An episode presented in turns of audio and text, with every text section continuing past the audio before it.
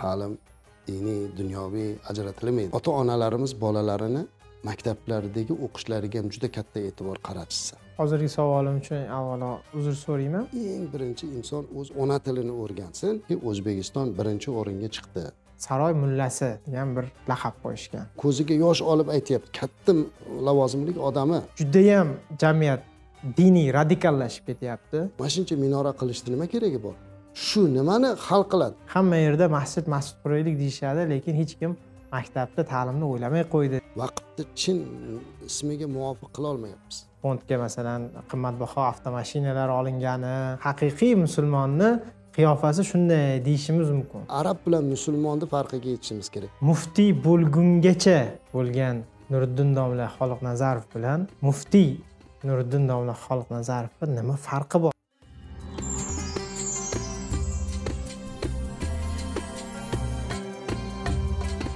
assalomu alaykum hurmatli do'stlar qadrdonlar aziz hamyurtlar. Bizni o'zbekistondan va xorijdan kuzatayotgan barcha do'sti birodarlar. Sizlar bilan navbatdagi bir suhbatimizda g'oyibona ko'rishib turganimdan bag'oyatda xursandman. Bugungi xursandchiligim e, ikki hissa sababi e, bizni suhbatdoshimiz e, judayam bir hurmatli inson o'zbekiston musulmonlari idorasi raisi muftiy nuriddin domla xoliqnazarov bo'ladilar. Assalomu alaykum hazrat. Va alaykum assalom va rahmatullohi va eng avvalo hazrat shunday bir tig'iz paytda vaqtingizni biz uchun ajratayotganingiz va biz orqali umuman millionlab insonlarga vaqt ajratganingiz uchun sizga o'zimni cheksiz minnatdorligimni bildiraman. Chunki bilaman judayam tig'iz grafikda ishlaysiz. Ayniqsa juda ko'p loyihalar yangidan yangi bir xayrli ishlar e, boshida turibsiz umuman sizni va siz rahbarlik qilayotgan idorani. E, ruxsatingiz bilan birinchi savolimni aynan mana shu e, idora haqida so'ramoqchiman. Biz xalqimiz tilida shu idora deb gapiriladi muftiyat deyiladi. O'zi musulmon o'zbekiston musulmonlari idorasi bu qanaqa tashkilot? Va buni so'rayotganimni asosiy boisi Э, qadimdan toki dinimiz e, shu islom dini yoyilgandan keyin shu musulmonlarni bir birlashtiruvchi har bir davlatda hududda makonda o'ziga yarasha ma'lum bir e, tashkilotlar idoralar har xil ko'rinishda bo'lgan kimdir qozixona degan ilgari muftiyat degan va hokazo. Va juda ko'p narsalarda ayniqsa ijtimoiy tarmoqlarda ham internetda ham biz ko'p idorani manziliga savollari ko'ramizda. E, Man bu narsa bilan shug'ullanmaydimi?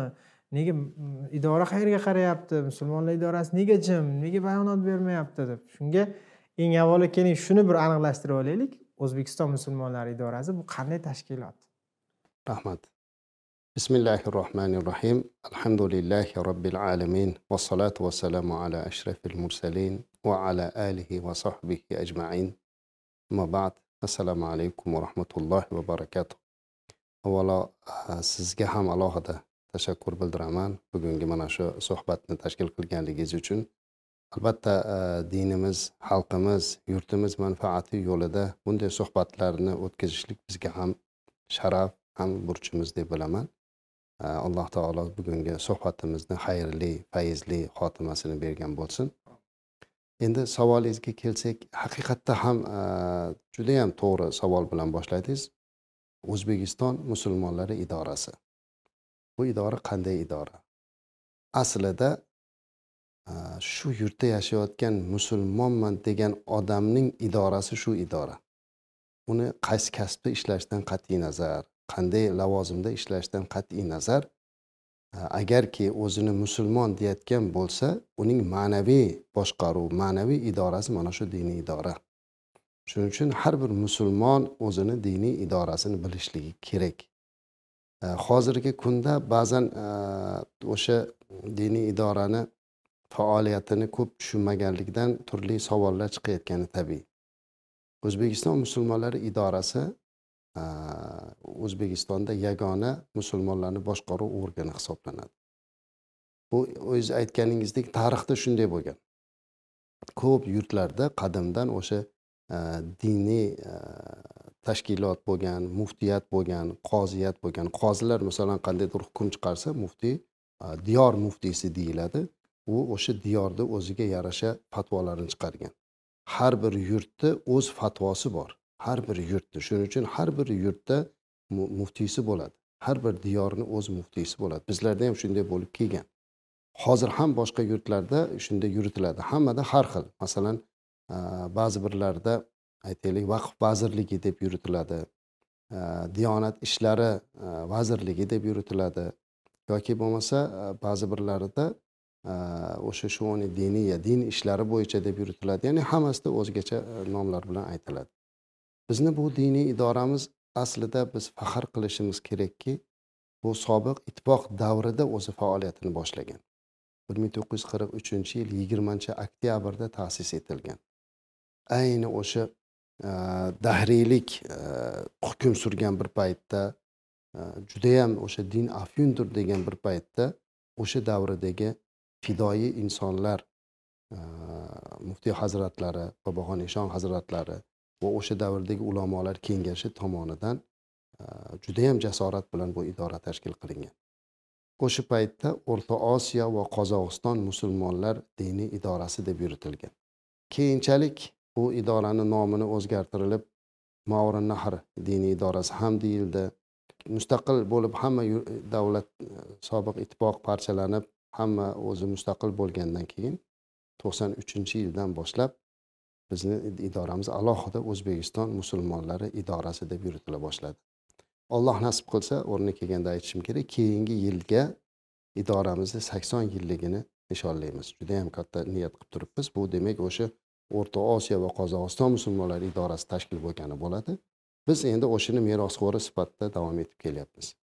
Diniy idorani asosiy faoliyati shu yurtda yashayotgan musulmonlarni diniy ehtiyojlarini qanoatlantirish e, masjid va madrasalarni ta'sis qilish e, fatvo chiqarish e, xorijiy davlatlar bilan diniy tashkilotlar bilan aloqalar o'rnatish kadrlar masalasi ta'lim masalasi hozir bizda bir nechta bo'limlar bor.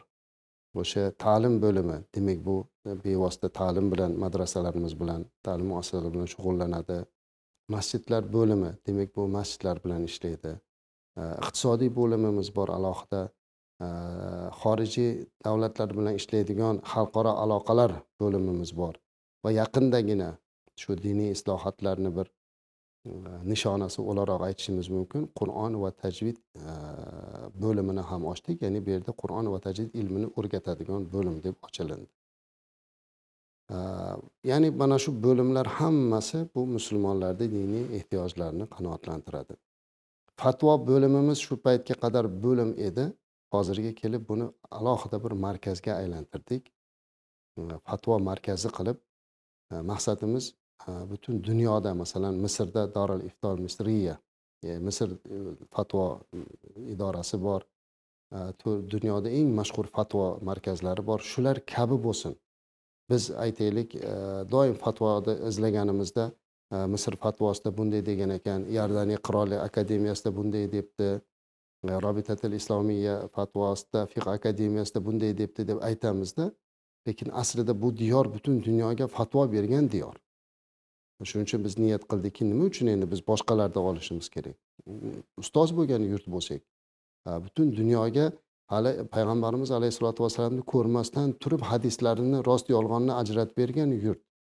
O'zlari arab bo'lmasada arab grammatikasiga asos solgan zamaxshariyni yurtiyu lekin nima uchun biz boshqa yurtlarda fatvolarni? Shuning uchun alohida bitta hozir fatvo markazi deb ochdik.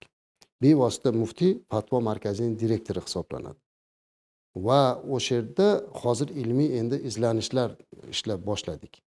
E, eng ulamolarimizni olib ishlarini qildik. Ya'ni diniy idoramizdagi faoliyatimiz keskin o'zgardi avvalgiga nisbatan. E, bunga albatta e, tan olib aytishimiz kerak shu keyingi yillardagi diniy islohotlarni bizga bergan katta foydasi bo'ldi alhamdulillah. Siz o'zingiz aytib o'tgandek bu diniy idora aslida nodavlat notijorat tashkilot davlat tashkiloti emas. Lekin juda ko'pchilik din ishlari bo'yicha qo'mita bilan bizni almashtiradi. Din ishlari bo'yicha qo'mita bu vazirlar mahkamasi qoshida vazirlar mahkamasi qoshida huzurida din ishlari bo'yicha qo'mita bor. Bu qo'mita davlat tashkiloti. Qo'mitani vazifasi bitta musulmon dini emas balki o'sha ro'yxatdan o'tgan hamma diniy konfessiyalar bilan davlat orasida ko'prik vazifasini bajaruvchi bir tashkilot davlat tashkiloti. Hozircha o'n oltita diniy konfessiya ro'yxatdan o'tgan bo'lsa hammamiz bilan ishlaydi. Hammamizga o'sha davlatni e, belgilab qo'ygan chegarasini tushuntiradi talabini tushuntiradi. Biz diniy idoralar e, davlatdan so'ramoqchi bo'lgan narsamizni diniy qo'mita orqali qilamiz ya'ni muvofiqlashtiruvchi organ diniy qo'mita. Diniy qo'mitadan fatvo so'rashlik qanchalik e, xato bo'lsa bizdan diniy qo'mitani ishini so'rashlik shunchalik xato. Shuni farqiga yetmaydi. Ba'zan diniy qo'mitani funksional vazifasiga kiradigan narsani bizdan so'rasalar diniy qo'mitadan bizni vazifamizni so'raydi. Shu narsani bilmaganligidan. Ehtimol bu bizni ham xatoyimiz chunki bu yerda matbuot yaxshi ishlashimiz kerak xalqimizga tushuntirish kerak. Man o'ylaymanki bugungi suhbatimiz ham ayni mana shunga bir debocha bo'ladi inshaalloh. Demak din ishlari bo'yicha qo'mita o'z vazifasini qilyapti. Biz esa diniy idora o'laroq. Musulmonlarni e, tashvishida musulmonlarni g'amida e, shu yurt uchun kerak bo'lgan fatvolarni chiqaramiz. Nashriyotimiz bor. Mana o'sha aytaylik e, hidoyat jurnalimiz bor. Islom nuri gazetamiz bor. Mo'minalar jurnalimiz bor xotin qizlar uchun. Alohida bu qoraqalpoq tilida ham chiqadi. Buni ko'pchilik bilmaydi mana. O'sha nashriyotlarimizda jurnalistlarimiz ish olib boryapti. Bu yildan ancha u yerda ham o'zgarish qildik. E, ya'ni e, o'sha tahririyat bilan nashriyotni bitta qilib e, katta bir tashkilot alohida bir muassasaga aylantirildi. Bu ishlarimiz amalga oshiriladi. Diniy idora belgilab qo'yilgan tartib asosida. Ya'ni bizni o'zimizni nizomimiz bor. Nizomda adliya tasdiqlab beradi.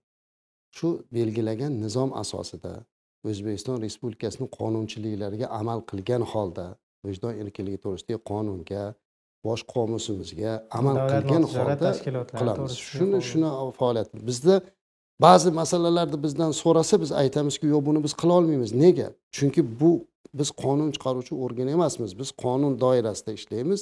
Qonun shuni ruxsat bermasa biz buni qilolmaymiz bu bizni vakolatimizdan e, chiqib ketish bo'ladi. Shuning uchun biz to'laligicha o'sha qonun asosida belgilab qo'ygan tartibda faoliyatimizni olib boramiz. Javobingiz uchun kattakon rahmat.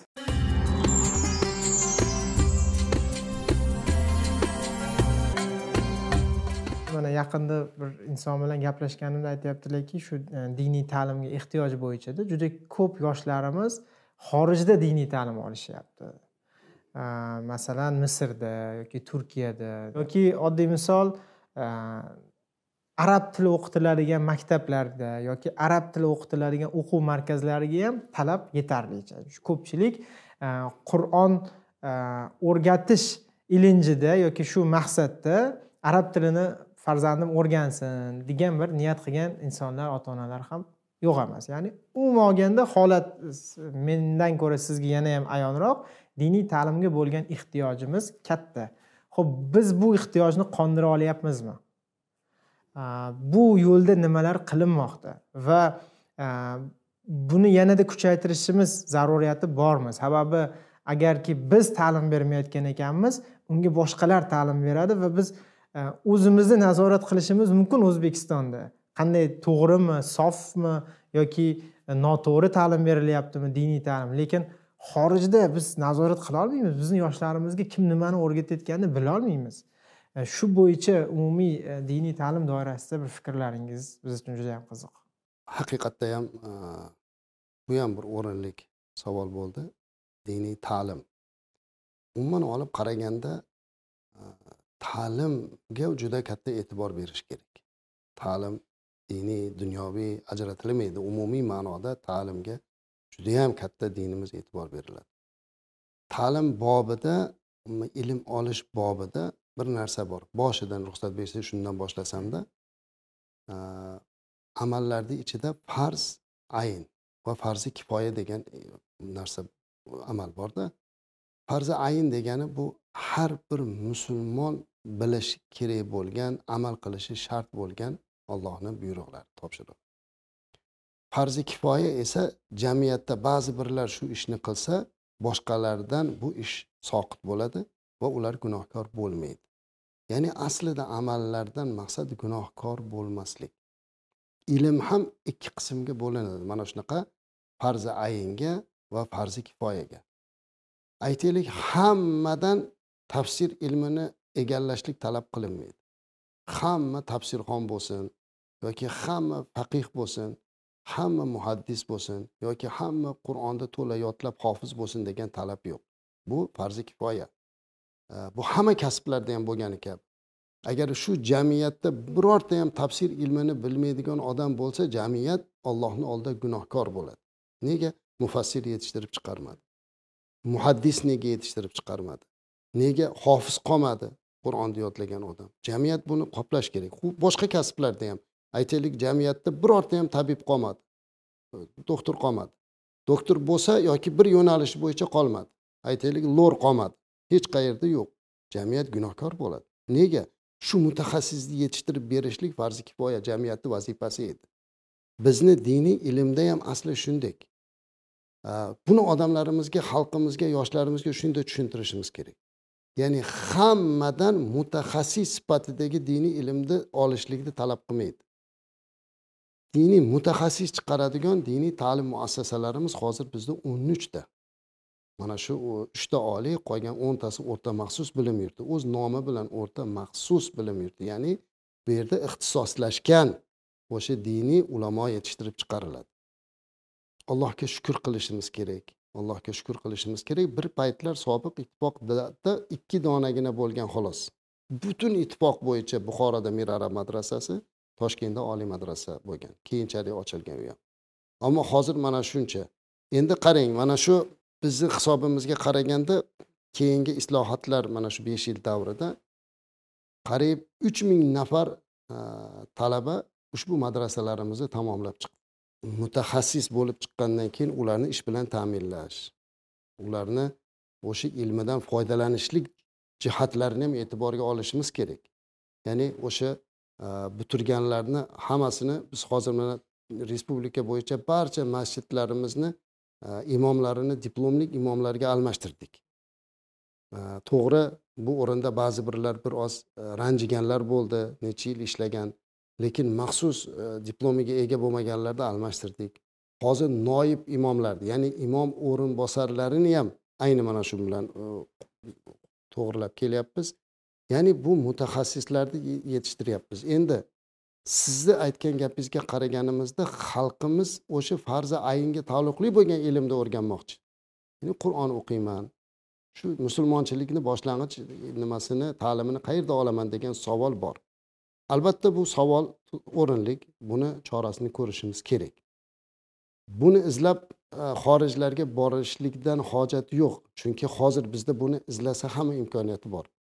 Yigirma oltita bo'ldi mana Э, qur'on э, va tajvid ilmini o'rgatadigan o'quv markazlarini ochganimizga. Hozir odamlar shuni bilmayaptiki shu kun hech qancha bo'lgani yo'q buni ochilganiga. Mana bir ikki yil bo'ldi yaqindan beri yana beshta joy viloyat toshkent viloyatida yana beshta joyda ochdik markaz. Yana davom etyapti buni. Lekin ta'lim degan narsani siz mana ko'p ta'limni ko'taryapsiz. Ta'limni ham o'ziga yarasha muammolari bor talablari bor. Mana yillar davomida shakllangan bizda mana ta'lim vazirligi bo'lardi. Hozir endi oliy ta'lim vaziri o'rta ta'lim vaziri xalq ta'limi alohida xalq ta'limi alohida bo'lgan. bir paytlar morif deb yuritilgan. Shuncha yil bo'lgan taqdirda ham biz mana bu yilga kelib bildikki judayam ko'p yo'qotishlarni bildik. Man sizni o'zingizni doim chiqishlaringizni kuzatib boraman.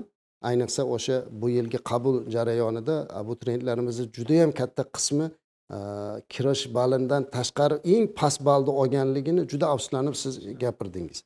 Tabiiy ravishda man shu yurtni bir ziyoli ahli ilmi sifatida manga ham tashvish bo'ldi. Aytmoqchimanki shuncha metodikasi bor uslubchilari bor uslubiyati bor kattagina bir tashkilot bo'lgan ham ta'lim sohasida ancha muammolarga duchor bo'ldi. Biz bu sohada yangimiz. Domlachilik imomchilik o'z yo'liga lekin dars berish degani bu pedagog. U pedagogikani bilish kerak bolalar psixologiyasini bilish kerak buning uchun maxsus dasturlar bo'lishi kerak. U aytib qo'yish oson nega hamma yoqda ochib bormadi? Yo'q uni mutaxassis kerak sabr qilsak asta sekin hammasi bo'lyapti. Hozir mana shu mana yigirma oltita qur'on kurslarini ochganimiz bilan hozir shu kunlarda qur'on va tajvid bo'limimizni e, faoliyatida rahbarlari shayx ali o'sha hamma dars berayotgan mudarrislarni o'zini qaytadan o'qityapmiz chaqirib. Hmm. biz o'sha ularga ham hozir yangi bir e, uslub berdik. O'zi qur'on va tajvid kursini ochishdan maqsad qur'onni o'qitish edi. Harf o'rgatish qur'onni o'rgatish. Qani bu, bundan ortiq narsani o'rgatishlik bu madrasa mutaxassisni ishi. Oddiy odam o'qishi kerak bo'lgan narsani. Endi o'shani ham qay darajada o'rgatyapti uni o'rgatishlik uslubi qanday? Hozir o'sha uslubini ham ishlab chiqyapmiz. Ma'lum bir uslub asosida ma'lum dastur asosida shu uch oylik o'quv kursida bemalol qur'on o'qiydigan holatga keltirish harakatini qilyapmiz. Bu jarayon ketyapti. Shu o'rinda ko'p joylardan talab yana kelyapti yana o'rganyapmiz. Hammaga shuni aytyapmiz birodarlar ozgina sabr qilinglar. Tartibi bilan navbati bilan qilyapmiz. O'shanga e, sharoitini yaratib uslubchilarimiz bilan qilib borishimiz kerak. Hozirgacha qarang o'ttiz ming odam mana shu o'quv markazlarimizni tugatib chiqdi. O'ttiz ming. Bir dona odam qur'on o'qishni o'rganish o'zi muammo edi. O'ttiz ming e, fuqaroyimiz e, katta kichik bo'lib erkak ayol bo'lib bugun demak qur'onni bemalol o'qiydigan holatga keldi. Va bu davom etyapti. Agar qisqa fursatda o'ttiz ming bo'lgan bo'lsa inshaalloh yana davom etsa hali yuz minglab odamlar bu endi o'ziga bog'liq. E, o'zi harakat qilishlik kerak. Undan tashqari e, yana bitta narsaki biz e, ta'lim deganimizda bugun yigirma birinchi asr ko'zi bilan qarashimiz kerak. Hozir katta katta universitetlar katta katta oliygohlar onlayn tartibga o'tyapti. Man bugun internetda o'qib qoldim hatto tajriba nuqtai nazaridan bizda o, o'rta maktablarda ham shunday qilishlikda ilk marta sinov tariqasida. sinov tariqasida bo'layotganini ko'rdim bizni o'zbekiston musulmonlar idorasini saytlarida onlayn darslarimiz boshlanganiga ancha bo'ldi. Hatto bitta e, ziyolik bir odam aytyapti man deyapti o'sha onlayndan qur'on o'qiyapman deydi hozir qur'onga tushdim deydi. U yerda qur'on darsi tajvid darsi hadis darsi va biz bularni davom etyapmiz. Agar izlansa bemalol o'sha narsani topishi mumkin. Undan tashqari masjidlarimizda ham e, har namozda suhbatlar ketyapti. Suhbat ham deyarli dastur asosida. O'sha fiqiy masalalar tarix e'tiqod masalasi bular ham o'sha e, farzi ayn kerak bo'ladigan darajadagi ilmlar. Endi qolgan masalalar hammasi mutaxassisniki inshaalloh e, bu ham hali yana qanoatlanib qoldik degani emas davom etyapti. Bu- buni yana ham kuchaytirishga harakat qilamiz. Lekin ozgina nima deydi shukronalik nazari bilan ham qarash kerak insof nazari bilan qarash kerak. Bir oz moziyga ham bir orqaga qarab qo'yish kerak. Oldin qanday ediku? Mana shu keyingi yillarda shu bu mana yoshi katta katta keksa ustozlar bilan ulamo domlalarimiz bilan gaplashsak ko'zlariga yosh olib gapiryapti. Bunaqa qur'on kurslarini ochishni hayolimizga ham keltirmaganmiz deyapti. Mana alhamdulillah bo'ldi. Va bu endi davom etadi. Lekin judayam nozik masala bu. O'shaning uchun asta asta joy joyiga qo'yib ketyapmiz. Va shu o'rinda man xohlardimki ota onalarimiz bolalarini maktablardagi o'qishlariga ham juda katta e'tibor qaratishsa. Bitta odam keldi mani oldimga. Aytyapti domla bolamga arab tilini o'rgatmoqchiman. Shuning uchun deydi shunga mutaxassis yaxshi mutaxassis kerak. Man bolasi e, beshinchi oltinchi sinf bola. Ma'qul deb o'tkazib so'rayapman. Bolam arab tilini o'rganasizmi? Arab tilini o'rganaman. O'zbek tilida nechta kelishik bor? Bilmayapti. Aytaylik fe'l nima degani? O'zbek grammar ona tilidan so'rayapman. Sifat nima kesim nima? Hammasini so'rab chiqdim. Man aytdim bilmayapti. Oxiri otasiga aytdim aka yaxshi gap arab tiliga jonimiz bu fido bo'lsin. Payg'ambarimiz alayhissalom tillari. Niyatingiz yaxshi. niyat zo'r. Qur'on lekin ona tilini o'rgansin. Eng birinchi inson o'z ona tilini o'rgansin. Biz keyin unga qiyoslab o'rgataylik. Qanday qilib o'rgatamiz? Ona tilini bilsa edi bunga bunga o'rgatib ketardik. Mana bu bolam bizni o'zbek tilimizda mana aytaylik e, hol bor va ba'zan boshqa til bilan ham solishtiramiz. Chunki arab tilida bizni o'zbek tilida yo'q bo'lgan rus tilida bor bo'lgan мужской женский rod bor arab tilida bor bizda yo'q. Buni ham tushuntirishga qiynalamiz. O'sha jihatidan maktabda ham yaxshi o'qitish kerak. Odamlarni nazdida o'sha dunyoviy kerak emas faqatgina diniyni o'qisa tushunib ketaveradi emasda bu tomonini o'qish kerak. Yaxshi o'rgansin mana o'zini ustida ishlasa keyin yana ham ochilib chiroyli bo'lib ketadi. Zo'r ilmli bo'lib ketadi. Hozir e, o'sha xorijga chiqayotganlar biz borib ham ko'ryapmiz. Dastursiz boshqasiz o'qiyapti. Agar universitetlarda o'qiyotgan bo'lsa xorijda qaysidir oliygohlarda qaysidir madrasa muassasasida e, alloh ilmlariga barakot bersin. Lekin xususiy tartibda yurgan bo'lsa biz bilmaymizki u yerda kimni qo'lida o'qiyapti nima o'qityapti bu narsa. Endi albatta uni qalbida o'sha o'qiyman o'rganaman deb chiqqan biz o'shani o'rganmoqchi bo'lgan narsasini bu yerda qanoatlantirishlikni ham chora tadbirlarni ko'ryapmiz. Lekin aytganimdek hali ozgina oldimizda shu ba'zi bir vazifalarimiz bor ba'zi bir qilishimiz kerak bo'lgan rejalarimiz bor. Asta sekinlik bilan inshaalloh bu muammolar go'zal hal bo'ladi.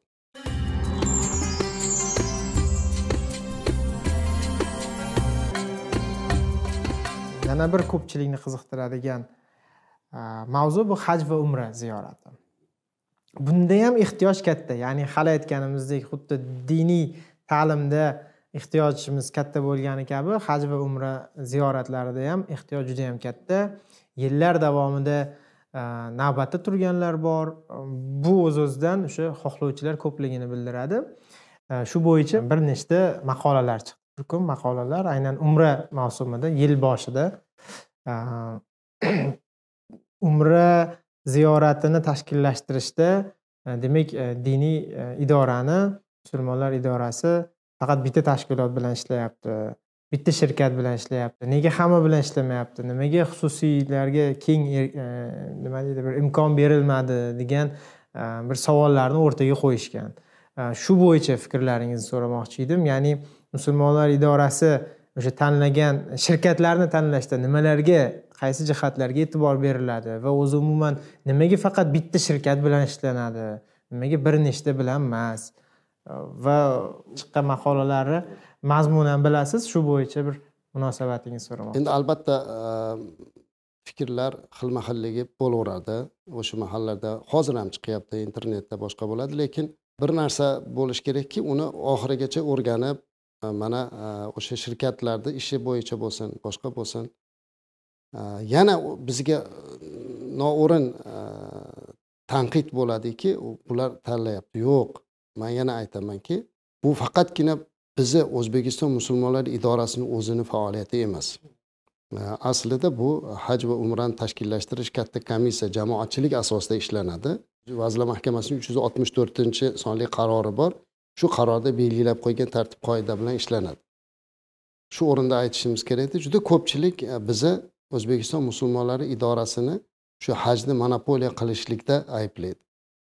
Bu ham o'sha qonunni bilmasdan e, e'tiborsizlik bilan biz aytaman doimki birodarlar biz nodavlat notijorat tashkilot bo'lsak biz bitta e, yo'nalishni monopoliya qilib oladigan darajadagi na qonunan na iqtisodiy kuchga ega emasmiz. Biz o'sha vazirlar mahkamasini qaroriga muvofiq belgilangan vazifamizni bajaryapmiz. O'sha qarorda o'zbekiston musulmonlari idorasi e, fuqarolarni olib borib olib kelish va boshqa ishlarga mas'ul. Lekin umumiy ma'noda katta jamoatchilik birga ishlaydi katta hay'at bor. O'sha hay'atimiz bilan birga qilinadi. Mana o'tgan yilgi umrani gapirib beray o'tgan yili pandemiya davridagi avval bizdan avval ishlanganda u yerda e, bizni avvalgi e, komissiyamiz al hidoya degan shirkat bilan ishlagan. Al hidoya shirkati bilan borib ishlagan. Shirkatni vazifasi nimadan iborat? Shirkat bizni kelayotgan fuqarolarimizni kutib olish ularni saudiyadagi xizmatlarni tashkil qilish mehmonxona ovqat transport xizmati viza xizmati barcha xizmatlarni shirkat o'zi qilib beradi. Shirkat xususiy tartibda bo'ladi. Ha uni shirkatsiz o'zimiz qilsak bo'lmaydimi desa uni hozirgi kunda agar biz boshqa davlatlarni tajribasini ko'rsak qilsa bo'larkan buning uchun e, u yerda bizni vakolatxonamiz bo'lishi kerak. Vakolatxona ochilishi kerak u yerda katta katta xodimlarimiz bo'lishi kerak bizni mablag'imiz bo'lishi kerak. Chunki u depozit to'lab gostinisani e, mehmonxonalarni biz olib qo'yishimiz kerak. Bizni musulmonlar idorasi bunaqa emas. Musulmonlar idorasi aytaylik turistik firma emas. Biz ibodatga olib borib olib kelish vazifasini bajaramiz. Tushgan mablag'ni u yoqqa o'tkazamiz va buni o'sha shirkat qilib bergan shu paytgacha. Endi al hidoya e, shirkati bilan bizni e, aloqamiz pandemiya munosabati bilan to'xtab qoldi. Va shu paytda o'sha ishlayotgan shirkatni saudiya hukumati tomonidan umra xizmatini qilishlik sertifikatini bekor qilishdi. Uni sababini bilmaymiz. U ularni ichki ishi. Shundan keyin biz yangi komissiya bu yerda bitta man bormayman. Masalan bu yerda o'zbekiston musulmonlari idorasidan din ishlari bo'yicha qo'mita vazirlar mahkamasidan prezident administratsiyasidan va boshqa tegishli mutasaddi tashkilotlardan iborat sakkiz to'qqiz e, shaxsdan iborat komissiya ya'ni hay'at bordik. U yerda o'sha hamma o'tirib qilinadi. Aslida buni e, masalan o'zbekiston musulmon idorasiga yuklatilgan vazifa nuqtai nazaridan o'zi bitta shirkatni tanlab ishlab ketish haqqiga ega. Lekin biz baribir ham o'sha yerda bir tender o'tkazdik. Tender ya'ni tanlab olish. O'sha avvalgi shirkat chiqdi. Sizlar bilan ishlaymiz degan taklifni qo'ydi lekin biz aytdikki birinchi navbatda talab qo'ydik hujjat. Sizni o'sha umrani tashkillashtirishga davlat tomonidan bo'lgan ruxsatingizni ko'rsating yo'q bunaqasi yo'q. Shuning uchun majbur bo'ldik u bilan aloqani to'xtatishga va buni ham biz qilganimiz yo'q. O'sha shirkatni ham biz tanlaganimiz yo'q. Saudiya davlatida bizni elchixonamizda umra va haj ishlarini tashkillashtirishga mas'ul bo'lgan atashe o'tiradi.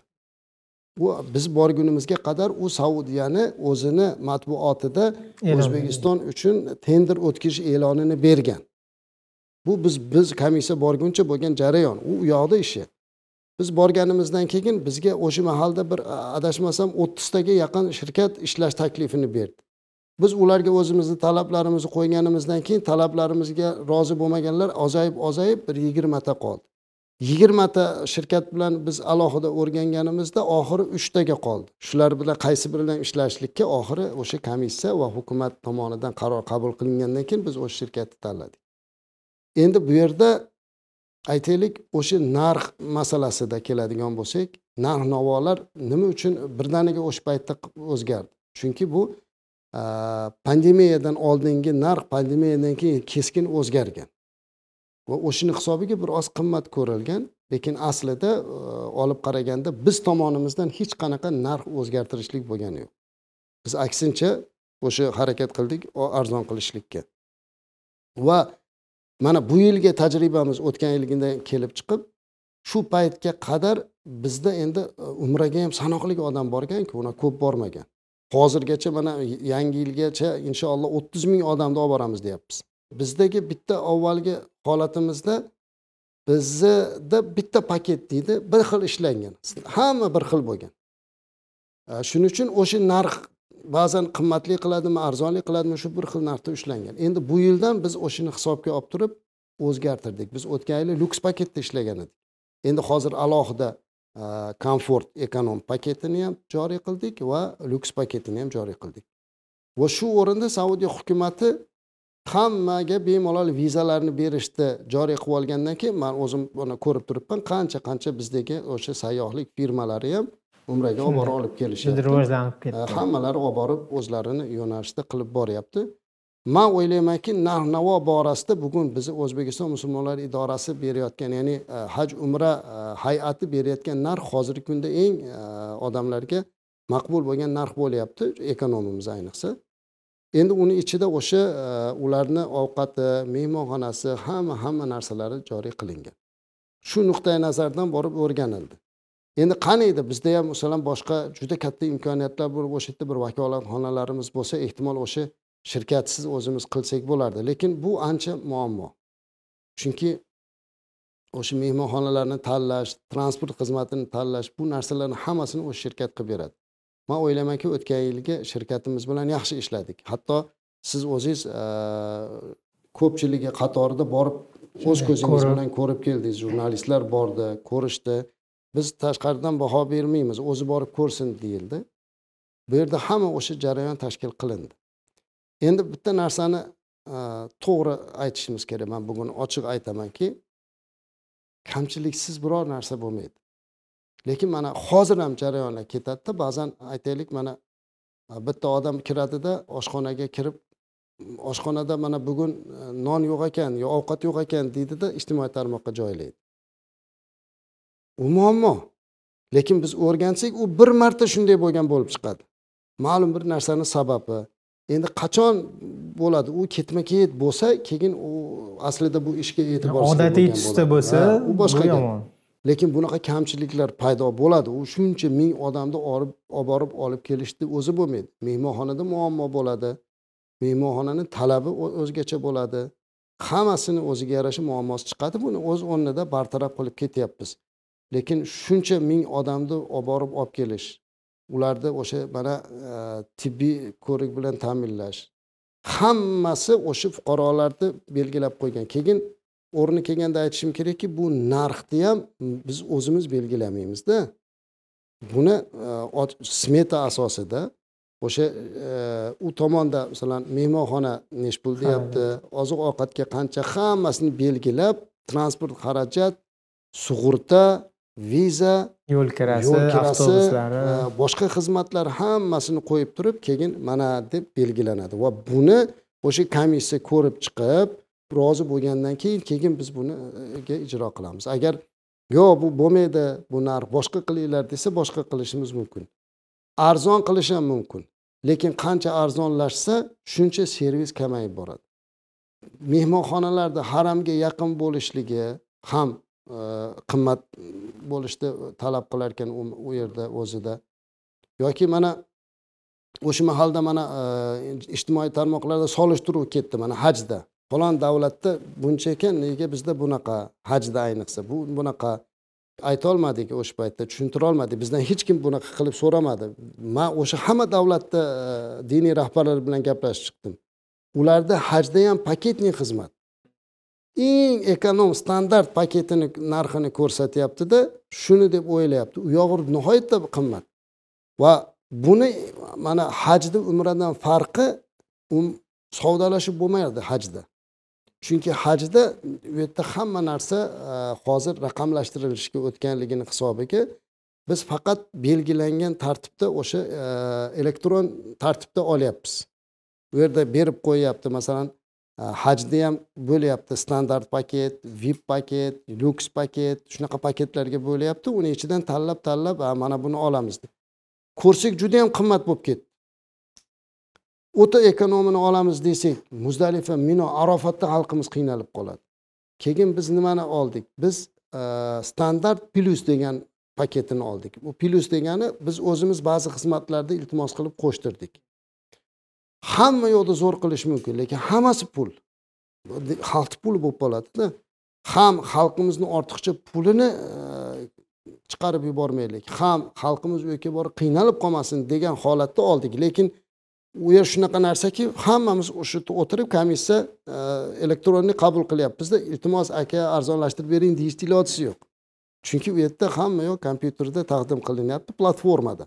Platformadan biz olib olib olib mana shuni belgilagandan keyin bizga umumiy narx chiqarilyapti. Shu narxni bu yerdan konvertatsiya qilib o'tkazib berilyapti.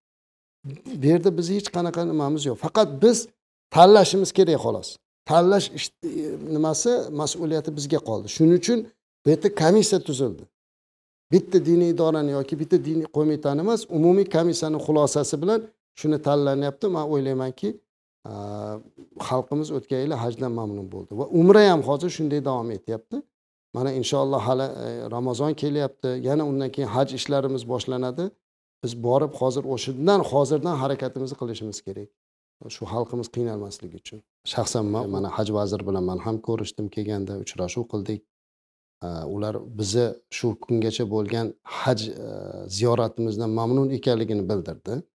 Bir paytlar e, o'sha malayziya davlatidan kelgan hojilarni ular juda tartibli deb maqtar edi haj vazirini o'zini e'tirofi shunday bo'ldiki o'zbekiston birinchi o'ringa chiqdi. Ya'ni haj amallarini tartibli bajarishlikda qoidalarga amal qilishlikda odob va axloqida go'zal e, o'zini madaniyatida birinchi o'ringa chiqdi degan gaplarni aytdi. Bu bizni juda quvontirdi. To'g'ri aytyapsiz narx masalasida rostdan ham juda ko'p e, nima deydi muhokamalar bo'ladi doim.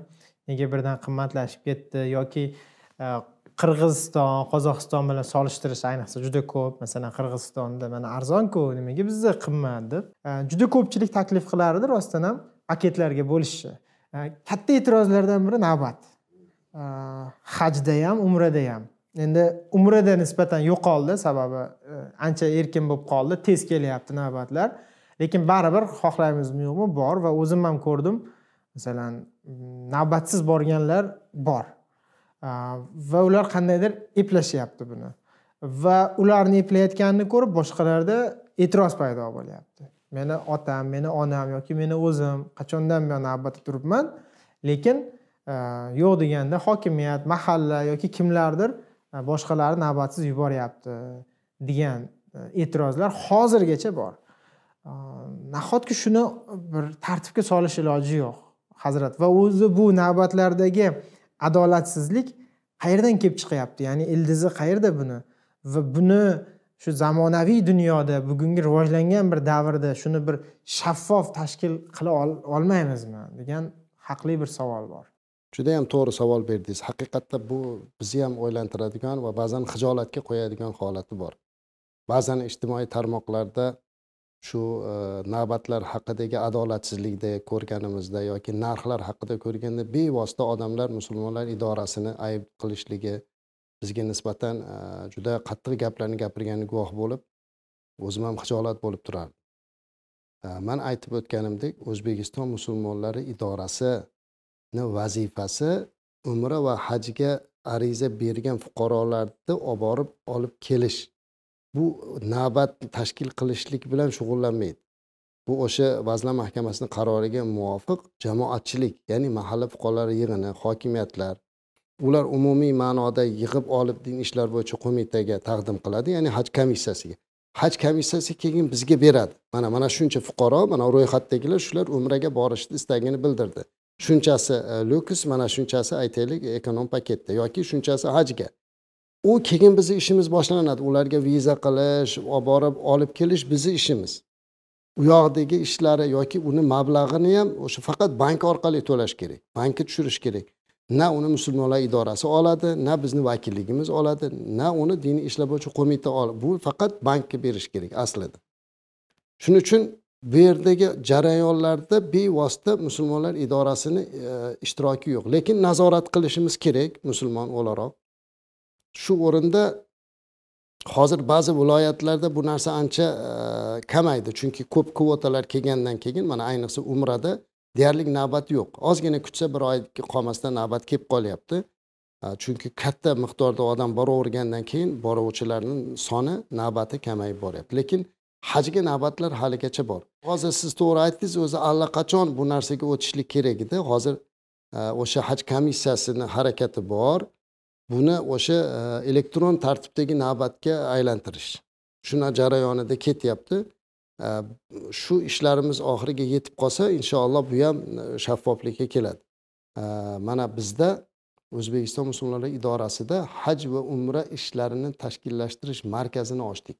Endi u yerda markaz ishlaydi. Chunki bizni boshqa ishimiz ham borda bu o'zbekiston musulmonlar idorasini funksional vazifalari judayam kattaku biz bu yerda ta'limimiz bor fatvoyimiz bor masjidlarimiz bor xalqaro aloqalarimiz bor. Ayollar bilan ishlash masalalari raddiya berish masalalari qancha ishlarimiz borda hammamiz shu bilan ovora bo'lib qolyapmiz. Katta miqdorda bo'lganligi uchun. Shuning uchun hozir mana shu haj va umra ishlar alohida markaz qildik. Bu markazga bitta mas'ul direktor qo'ydik. Endi ularni oldiga shu vazifani qo'yyapti hozir. Din ishlar bo'yicha qo'mita raisi ham ayni shuni tashvishida turibdilar. Hozir shunaqa shaffof qilib elektron e, navbatni tashkil qilish. Bu menimcha qiyin bo'lmaydi.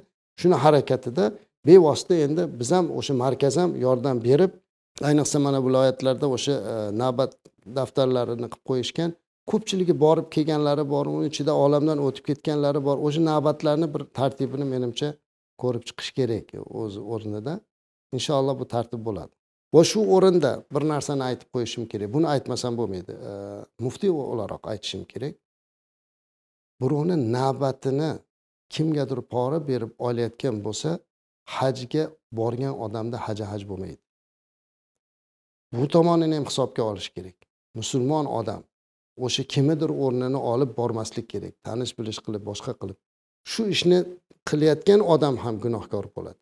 O'rtada vositachilik qilgan odam ham gunohkor bo'ladi. Va o'zi shu bilan borib shu amalni qilayotgan odam ham gunohkor bo'ladi. Buni qilmaslik kerak. Chunki u ishimiz bilan biz bitta musulmonni ibodatiga to'sqinlik qilgan bo'lamiz farziga. Aytaylik bittasiga farz bo'lib navbati kelib turuvdida uni tushirib boshqasini qo'shadigan bo'lsa bu judayam katta qabohat juda katta gunoh. Mhmm, demak tushunishim bo'yicha ma'lum bir bunga vakolatli bo'lgan o'sha davlat organlari e, komissiyalar ro'yxat qilinadi va ro'yxat sizga taqdim etilgandan keyin sizlarni ishlaringiz boshlanadi. Va bitta narsa quvonarli agar haqiqatdan ham buni onlaynlashtirish ketayotgan ekan bunga bir qat'iyat iroda qilingan ekan bu ko'pchilikni xursand qiladi deb o'ylayman. To'g'ri e, xohlaymizmi yo'qmi xalqimiz orasida baribir astag'firulloh deymiz o'sha pora berib hajga yoki umraga ketish niyatida bo'lgan insonlar ham yo'q emas. Lekin e, umumiy ma'noda biz baribir adolatsevar xalqmiz va mana shu e, shaffoflik ishga tushsa ko'pchilik xursand bo'ladi bundan.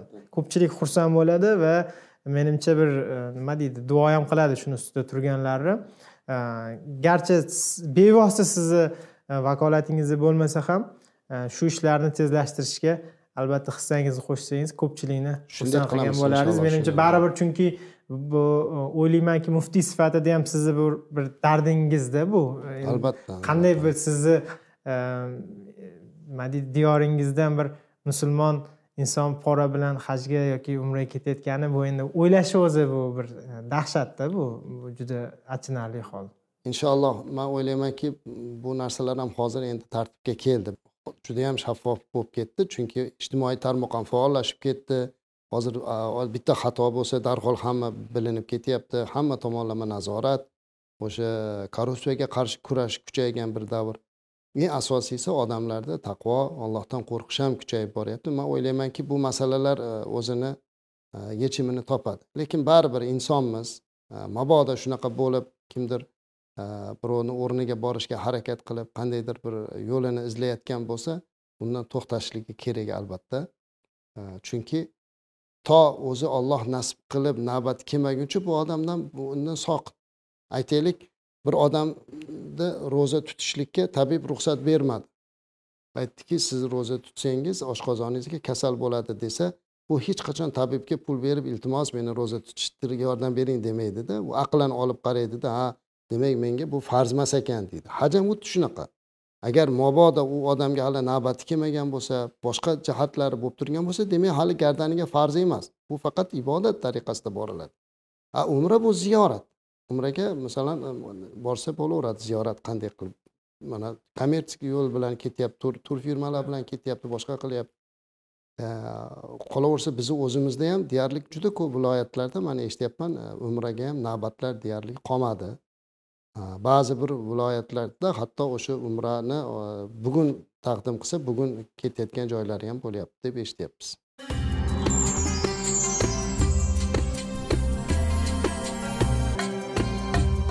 Hazrat yaqinda bir e, sizni e, juda bir ta'sirli va go'zal bir murojaatingiz chiqdi. Dinni xunuk ko'rsatmang azizim degan e, ko'pchilik ko'rdi ko'pchilikdan bir iliq munosabatlar ham eshitdik.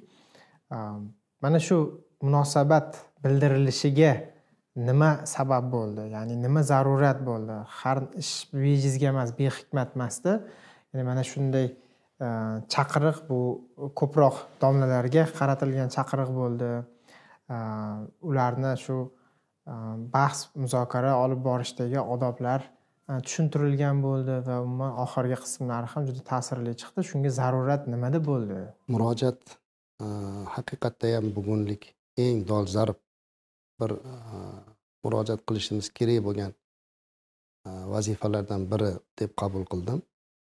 Murojaat qilishlikka sabab o'zingiz ham kuzatib turganingizdek o'sha ko'proq ijtimoiy tarmoqlarda turli chiqishlar sabab bo'ldi. O'zi aslida bu murojaatni to'g'ridan to'g'ri diniy soha xodimlariga qaratilgan. Bu xalqimiz ham bunga e, o'zlari iliq munosabat bildirdi. Lekin aslida bu sohamiz ichida yoki bo'lmasa e, imom bo'lmasada o'zini mullo deb turgan odamlarga aytilindi. Chunki e, o'zbekiston musulmonlari idorasi bu yagona idora. O'zbekistonda yagona muftiy bor. Fatvoni faqatgina muftiy berishligi kerak. Boshqa shariat bo'yicha aytilyapti. Boshqalarni fatvo berishlikka o'zi haqqi yo'q. Mayli diniy ilmga ega bo'lsin diniy fikr ammo fatvo oxirgi fatvo nuqtani bu o'sha ulamolar kengashi qo'yadi. Bizda ulamolar kengashi bor.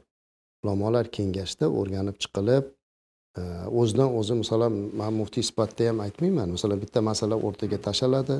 O'sha fatvo markaziga u yerda o'n beshdan ortiq ulamolar bor va e, o'zimizni o'zbekiston musulmonlari idorasida ulamolar kengashi bor. U kengashda ko'riladi. Mulohaza qilinadi va oxirgi fikrda keltirilib bergandan keyin muftiy imzo chekib unga fatvo beriladi. Bu judayam katta jarayon fatvo masalasi og'ir. Lekin afsuski e, bu o'zidan o'zi fatvo berib yuborishlik holatlari ko'payib qolganligi internetda bir birlari bilan munozara e, bo'lishligi va bu o'z o'rnida dinga nisbatan boshqalarda noto'g'ri fikr paydo shakllanishiga ham sabab bo'lib qolyapti. Ba'zi bir ziyoli odamlar e, bu imomlarni bu qilayotgan ishdan tashvishga tushayotganlari bo'ldi. Shuning uchun bir o'zimizga bir chegara bo'lsin degan ma'noda mana shu murojaat qilindi. Haqiqatda ham bu bir necha kun tayyorlanib e, kitoblardan olib shaxsan o'zim e, anchadan beri o'ylanib yurgan bir qalbimdagi izdiroblarim desam ham bo'ladi buni o'sha barcha imom domlalarga aytib chiqdik. Chunki bitta imomni gapi bu oddiy bitta domla gapirib qo'ysa endi palonchi demayaptida hamma buni e, nisbatini bizga ulamolarga dinga nisbatan beryapti. Shuning uchun albatta bunga e'tibor qaratishimiz kerak edi. Bu judayam nozik masala. Har bir ahli ilm bunga amal qilishligi kerak. Biz e, judayam yuksak madaniyat bilan turishligimiz kerak. Hozir mana internetda ko'ryapmiz turli xil holatda aytaylik qo'pol muomalalik qilish haqorat qilish kimnidir nafsoniyatiga tegish. Asli mana shu murojaat qilishlikdan oldin bitta buyruq ham chiqargan edik.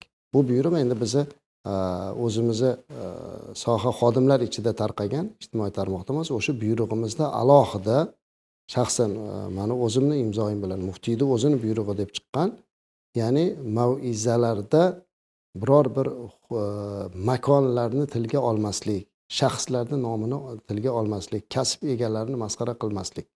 Chunki bu jamiyatni ikkiga bo'lishga olib keladi. Palon viloyatda bunday e, ekan yoki palonchi e, bunday ekan mana kasb qilayotgan odamlar bunday ekan desak bu jamiyat bu biz e, xohlaymizmi xohlamaymizmi? Turli kasb egalari bor. Turli fe'lga ega bo'lgan turli xulq atvorlik hammamizni bir birimizga dushman qilib yuboramiz. Din bunday emas. Din odamlarni ulfat qiladigan odamlarga nasihat qiladigan to'g'ri yo'lga soladigan. Shuning uchun biz bu murojaatni qildik. Man o'ylaymanki bu murojaat ancha e, o'zini samarasini bera boshladi. Eng asosiysi ahli ilmlarimiz ulamolarimiz to'g'ri qabul qildilar. Va xalqimiz ham buni hozir ham to'g'ri tushunishi kerakki to muftiy tomonidan aytilmaguncha u fatvo emas. Buni to'g'ri tushunish kerak. Ba'zi bizga aytadiki falon domla bunday debdi falon domla bunday debdi. Avvalo u domla o'zi imommi? Imom emas. Bizni xodimmi? Xodim emas. Endi hozir tasavvur qilingda bir odam chiqyaptida internetda mana bunday holatlarda falon kasallikni davolash mumkin deb gapirsa hech kim bunga amal qilmaydi. To o'zi bitta o'zini tanishga doktoriga doktorga bormaguncha vrachga mutaxassisga murojaat qilmaguncha internetda bitta odamni gapi bilan bolamizni davololmaymiz e to'xta nima deyapti? Bu kim o'zi degan savol bor. Endi har qancha e, tibbiyotdan ilmi bo'lgan taqdirda ham biz uni ma'lumot sifatida qabul qilamiz. Yoki boshqa soha bo'lsin qaysi sohada bo'lsa ham aytilsa ma'lumot sifatida qabul qilinadi. Lekin qarorni mutasaddi tashkilot chiqaradi u belgilaydi bizda ham mana shunday kimdir gapirayotgan bo'lishi mumkin nimalarnidir lekin xato gapirib qo'yadi qo'pol muomala qilib qo'yadi. Lekin bu to'g'ridan to'g'ri bizni e, dunyo qarashimiz emas. Ya'ni o'zbekiston musulmonlari idorasi tizimini pozitsiyasi emas. Bu biz biznikini ya'ni shu tizimimizdagi ulamolarni fikrlarini fatvoni eng oxirgi nuqtasini faqat muftiy beradi. Э, muftiy o'sha fatvo berishlikdan oldin bu narsani o'rganib chiqib beriladi. Shuning uchun mana e, yaqindagina man qohirada bo'lgan e, konferensiyaga borib keldim. Mana shu anjumanda shu fatvo bo'yicha bo'ldi. U yerda avval hammamiz bitta fatvo markaz qilib bittaga qaratish haqida ham gap ketgan edi. Man u yerda so'zim orasida ham chiqib gapirdim. Bunaqa qilish durust emas. Chunki har bir diyorni o'z fatvosi bor.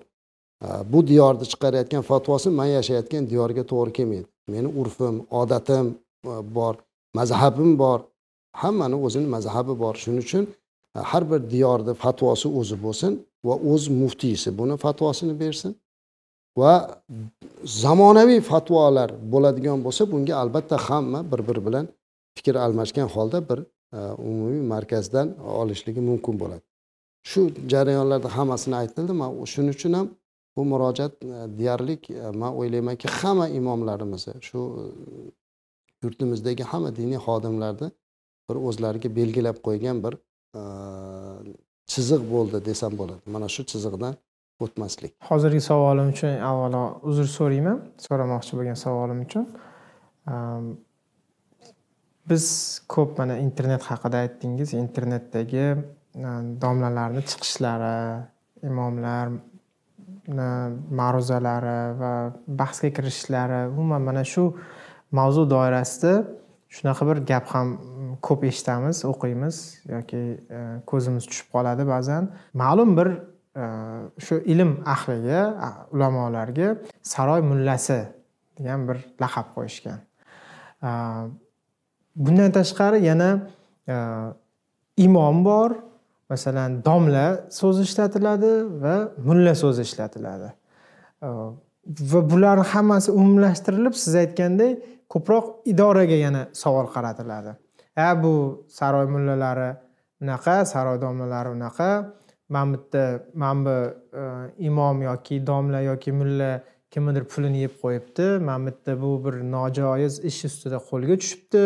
Va hokazo bu bular hammasi shunaqa degan bir umumiy Э, nima deydi bir ayb ayblov ham e'lon qilinadida.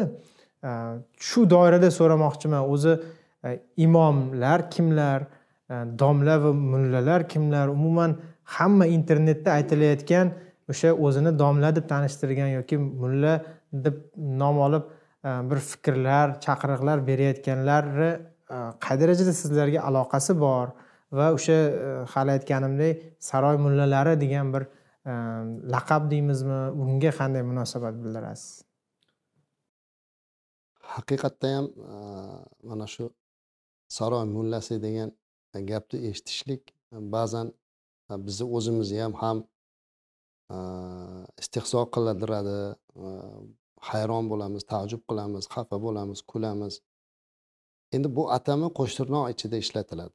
O'zi aslida Э, qadimdan har bir saroyda o'zini mullasi domlasi ulamosi bo'lgan. Э, Navoiy bobomiz ham saroydan chiqqanlar. O'sha saroyda maslahatchilari bo'lgan. Bu o'zi yomon gap emas o'zi aslida. Qo'shtirnoq ichiga olib saroy mulla deyishligi o'sha xorijdan aytilishligi go'yoki bular o'sha e, davlatni rahbariyatni e, olib ketayotgan har bir gapini qo'llab quvvatlovchi degan ma'noda aytiladi. Lekin insof nazari bilan qarash kerak. Har qanday e, diniy idoramiz xodimi bo'lsin imom bo'lsin birortamiz dinga qarshi shariatga qarshi gap aytmaymiz. Birortasi bunaqa narsaga jur'at etmaydi. To'g'ri endi ba'zi bir jamiyatda kamchilik bo'ladi. Hamma orzu qilgan narsamiz darhol amalga oshmaydi. Bu narsa uchun jarayon ketadi ish ketadi. Shu o'rinda biz ham qo'limizdan kelgan ishlarni qilib boramiz. Va albatta biz man avval ham aytganmanki birorta bir narsani e, qilib e, o'sha aytaylik jamiyat tashvishi bo'lsin e, jamiyatimizdagi ba'zi bir kamchiliklar bo'lsin musulmonlar kamchiliklari shuni bartaraf qilish bo'lsin yoki hukumatimizdan biror bir narsani so'rashligimizdagi jarayonlarimiz o'z o'zidan ketadi. Lekin hammasini ham biz internetda e'lon qilavermaymizda. Chiqib biz blogerga o'xshab aytaylik shu sohada chiqib undoq bundoq talab qo'yib bizni vazifamiz u.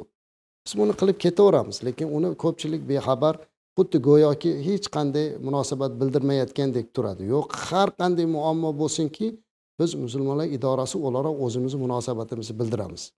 Rasmiy munosabatlarimizni bildirgan joylarimiz bo'ladi talablarimiz bo'ladi. Lekin bu joyda ularda aytayotganidek shariatni yomon ko'rsatish shariatga xilof bo'lgan biror narsa yo'q.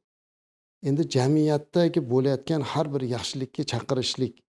Aytaylik mana yoshlarimizni ilmga ma'rifatga chaqirsak ey yoshlarimiz o'qinglar ilm o'qinglar maktabga boringlar o'qishinglarga e'tibor beringlar desangiz mana shu gapimizni ham mana saroy mullasi deb chiqaradi. Bu yerda dinga qarshi nima gap bor? Aslida maqsadimiz ezgulik. Qachongacha biz bunday bo'lishimiz kerak? Mana hozirgacha ham butun dunyoga biz nechi o'sha e, islom rivojlangan ilm rivojlangan davrimiz yoki o'ninchi asrni buyog'idagi holatimiz bilan maqtanib kelamiz. Hozirgacha aytyapmiz e, al xorazimiyni orqasidan maqtanib kelyapmiz. Alloh rahmat qilsin beruniyni orqasidan maqtanib kelyapmiz. Yoki imom buxoriy hazratlarini yo'q endi o'shalarni o'rinbosarlarini chiqarish davri keldi. Qilishimiz kerak bu narsani. Va insof bilan qarashimiz kerak. Insof nazari bilan. Shuning uchun biz aytamiz nimaki aytayotgan bo'lsak bu o'sha jamiyatni foydasi uchun bu shariatni talabi. Biz uni indamasdan tursak bo'lmaydi. Bugun o'qish o'qinglar deyishimiz kerak ta'lim olinglar deyishimiz kerak ota onani bir biriga hurmatini gapirishimiz kerak aka ukani munosabatini gapirishimiz kerak e, oilalar haqida gapirishimiz kerak. Bu gaplar hammasi kimnidir talabi bilan gapiriladigan gap emas bu vazifamiz vijdonimiz. Nuqtai nazardan mehrob omonati nuqtai nazaridan gapiramiz. Doim o'sha nimalarni kuzatamiz. Aytadilarki masalan bitta domlamiz bitta yaxshi gapni gapirib chiqsa tagiga haqiqatni gapir salom mullasi deb chiqadi. Haqni gapir deydi. Haq nima o'zi? Haq deganda o'sha odamlarni urushga chorlash. Yoki parokandalikka chorlash haq emasda bu. Tinchlik haqida gapirsangiz masxara qiladi. Tinchlik osmonimiz musaffo deyapti tinchlik deyapti. Lekin haqiqatda ham atrofga bir tera nazar bilan qarasin dunyoda tinchlikdan ortiqroq ne'mat bormi? Tinchlik bo'lsagina boshqa ne'mat paydo bo'ladi. Tinchlik yo'q bo'lsa qaysini biz amalga oshira olamiz na masjidimiz bo'ladi na madrasamiz bo'ladi na ibodatimiz.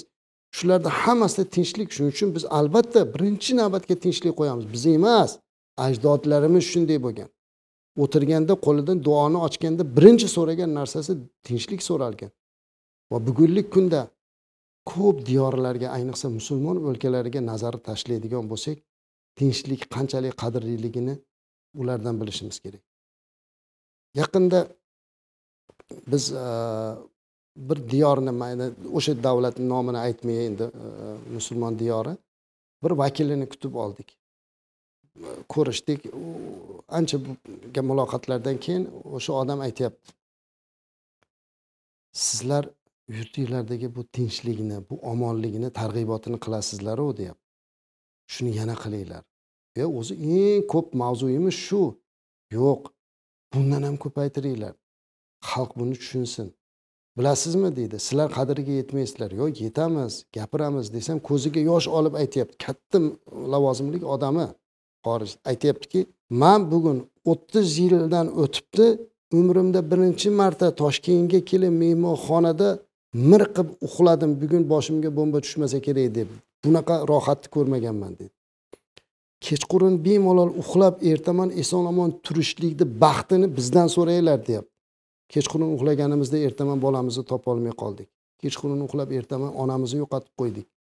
Shuning uchun sizlar bu gapni sizlarni nima deyishdan qat'iy nazar aytinglar deyapti haqiqat bu. Buni aytmasak bo'lmaydi. Bugun tinchlik haqida gapirsangiz ham shu gapni gapiryapti.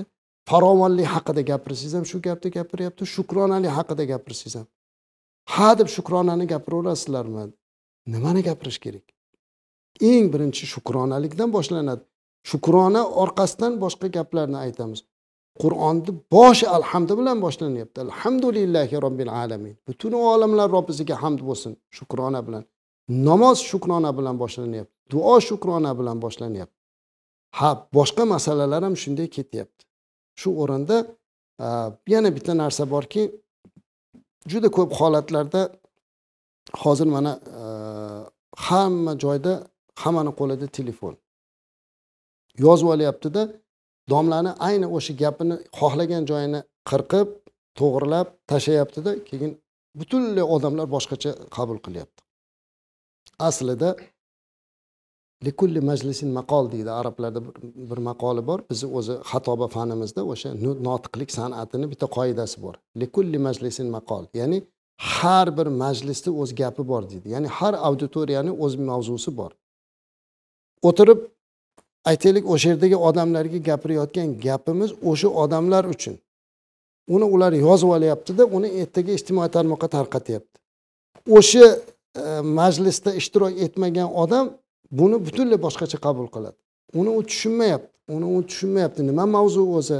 Bir kitobda o'qib qoluvdim o'rni kelganda aytay bir yurtni qozisini oldiga e, to'rtta beshta namozxonlar kelib imomni ustidan shikoyat qilib aytdilarki imomimiz kecha jumada eshak baqirsa eshak hang'irab yuborsa tahorat ketadi eshitgan odamni dedi.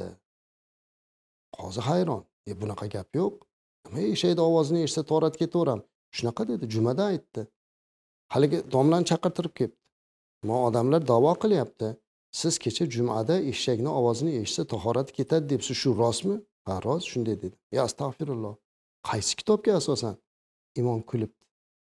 Man bu mavizani qilayotganda bular yo uxlab o'tirgan yoki keyin kirgan oxirida. Maviza boshqa edi. U yerdagi masala bir odam eshagiga suv ortib olib sahroda ketyaptiku keyin eshagini yo'qotib qo'ydi. Hech iloji yo'qligidan u odam tayammum qilib namoz o'qiyotgandi eshak kelib ovozini chiqaruvdi u odamda tayammum tahorati ketdi chunki suv keldi degan ma'noda aytgan edim. Bular suvini bilmabdida eshakni ovozini aytibdi. Ba'zan shunaqa bo'ladi. Man buni ko'p joyda iltimos qilyapman. Yozib olmanglar. Biz yozadiganimiz o'zimiz yozib o'zimiz tarqatadiganimiz bor. Lekin har xil joyda har xil jamiyatga qarab aytiladi.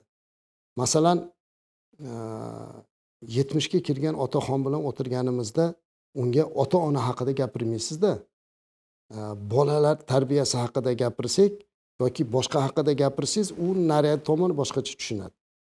Ba'zi mavizalarimizni keyin u o'sha xorijdagi ba'zi o'rtoqlarimiz keyin uni boshqacha qilib chiqarishyapti. Shuning uchun man o'ylaymanki bu yerda ham albatta insof bilan qarash kerak. Domlalarimiz hammalari qo'ldan kelganicha xizmatini qilib boryapti. Endi haligi savollaringizga o'tadigan bo'lsak imom bu masjidni imomi. Norasmiy imom degan gap yo'q o'zi aslida. Norasmiy imom bo'lmaydi. Imom bitta bo'ladi. Imomni mehrobi bo'ladi masjidi bo'ladi minbari bo'ladi. U imom. Imomdan tashqari ya'ni masjidda imom bo'lmagan odam imom emas. U odam bizni xalqimizni tilimizda mullo deyilishi mumkin. Mullo endi bu atamalarni e, chuqur kirib borsak har xil e, kelib chiqib boraveradi. Lekin aslida bizda e, istilohimizda mullo deb diniy ilmga ega bo'lgan Э, fiqni ko'proq yaxshi bilgan odamlarga mullo deb ishlatiladi. Э, o'sha kitoblarimizda kelib mulla alil qoriy deb alohida bir ulamo nomi zikr qilinadi. Demak o'sha fiq bobida judayam olimlarga ko'proq bizda mullo deb murojaat qilinadi. Domla deb murojaat qilinadi. O'sha e, buni ham o'sha e, tashqarida ko'rgan odam o'sha diniy ozgina ilmi bor odam. Lekin hammasi ham imom emas. E, aytaylik hojiga borgan odam islom olimi bo'lib qolmaydi. Yoki ozgina diniy savodi bor qur'on o'qishni biladida o'zini qiyofasini diniy e, domlaga o'xshattirib olgan imomga o'xshatib olgan odam degani bu emasda u shaxs u. U qanaqadir xato qilgan bo'lsa o'sha shaxs sifatida xatosini tanqid qilish kerak. Uni orqasidan dinda yoki shu tizimda emas. U mullo emas va xalqimiz ham e, zakovatli xalq bilish kerakki aslida imom deganda faqat mehrobi bor odam masjidni imomi. Bu rasmiy. Ana buni gapi bizni ulamolar kengashini gapi bo'ladi.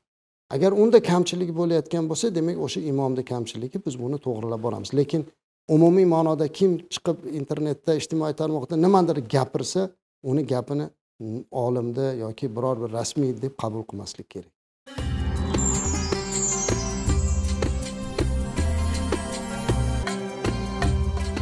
Yaqinda sizni aytgan misolingizga ham bir yaqqol misol bo'ldi. Azon tvdagi bir intervyuda e, bir e, hurmatli olim insonlardan biri misrdagi e, qabul jarayonlari haqida gapira turib o'sha tibbiyotga qabulda qur'onni yoddan bilgan insonlar qabul qilinadi degan bir ma'lumotni aytishdida va uni keyin o'sha joyini qirqib olib mana bular o'zbekistonda tibbiyotga kimni qabul qilish kerak bo'lsa qur'onni yodlatib keyin qabul qilish kerak deb talab qilishyapti. Bular mana shu faqat haligi dunyoviyga ham dinni qo'shishadi. Nima xohlaydi o'zi bular?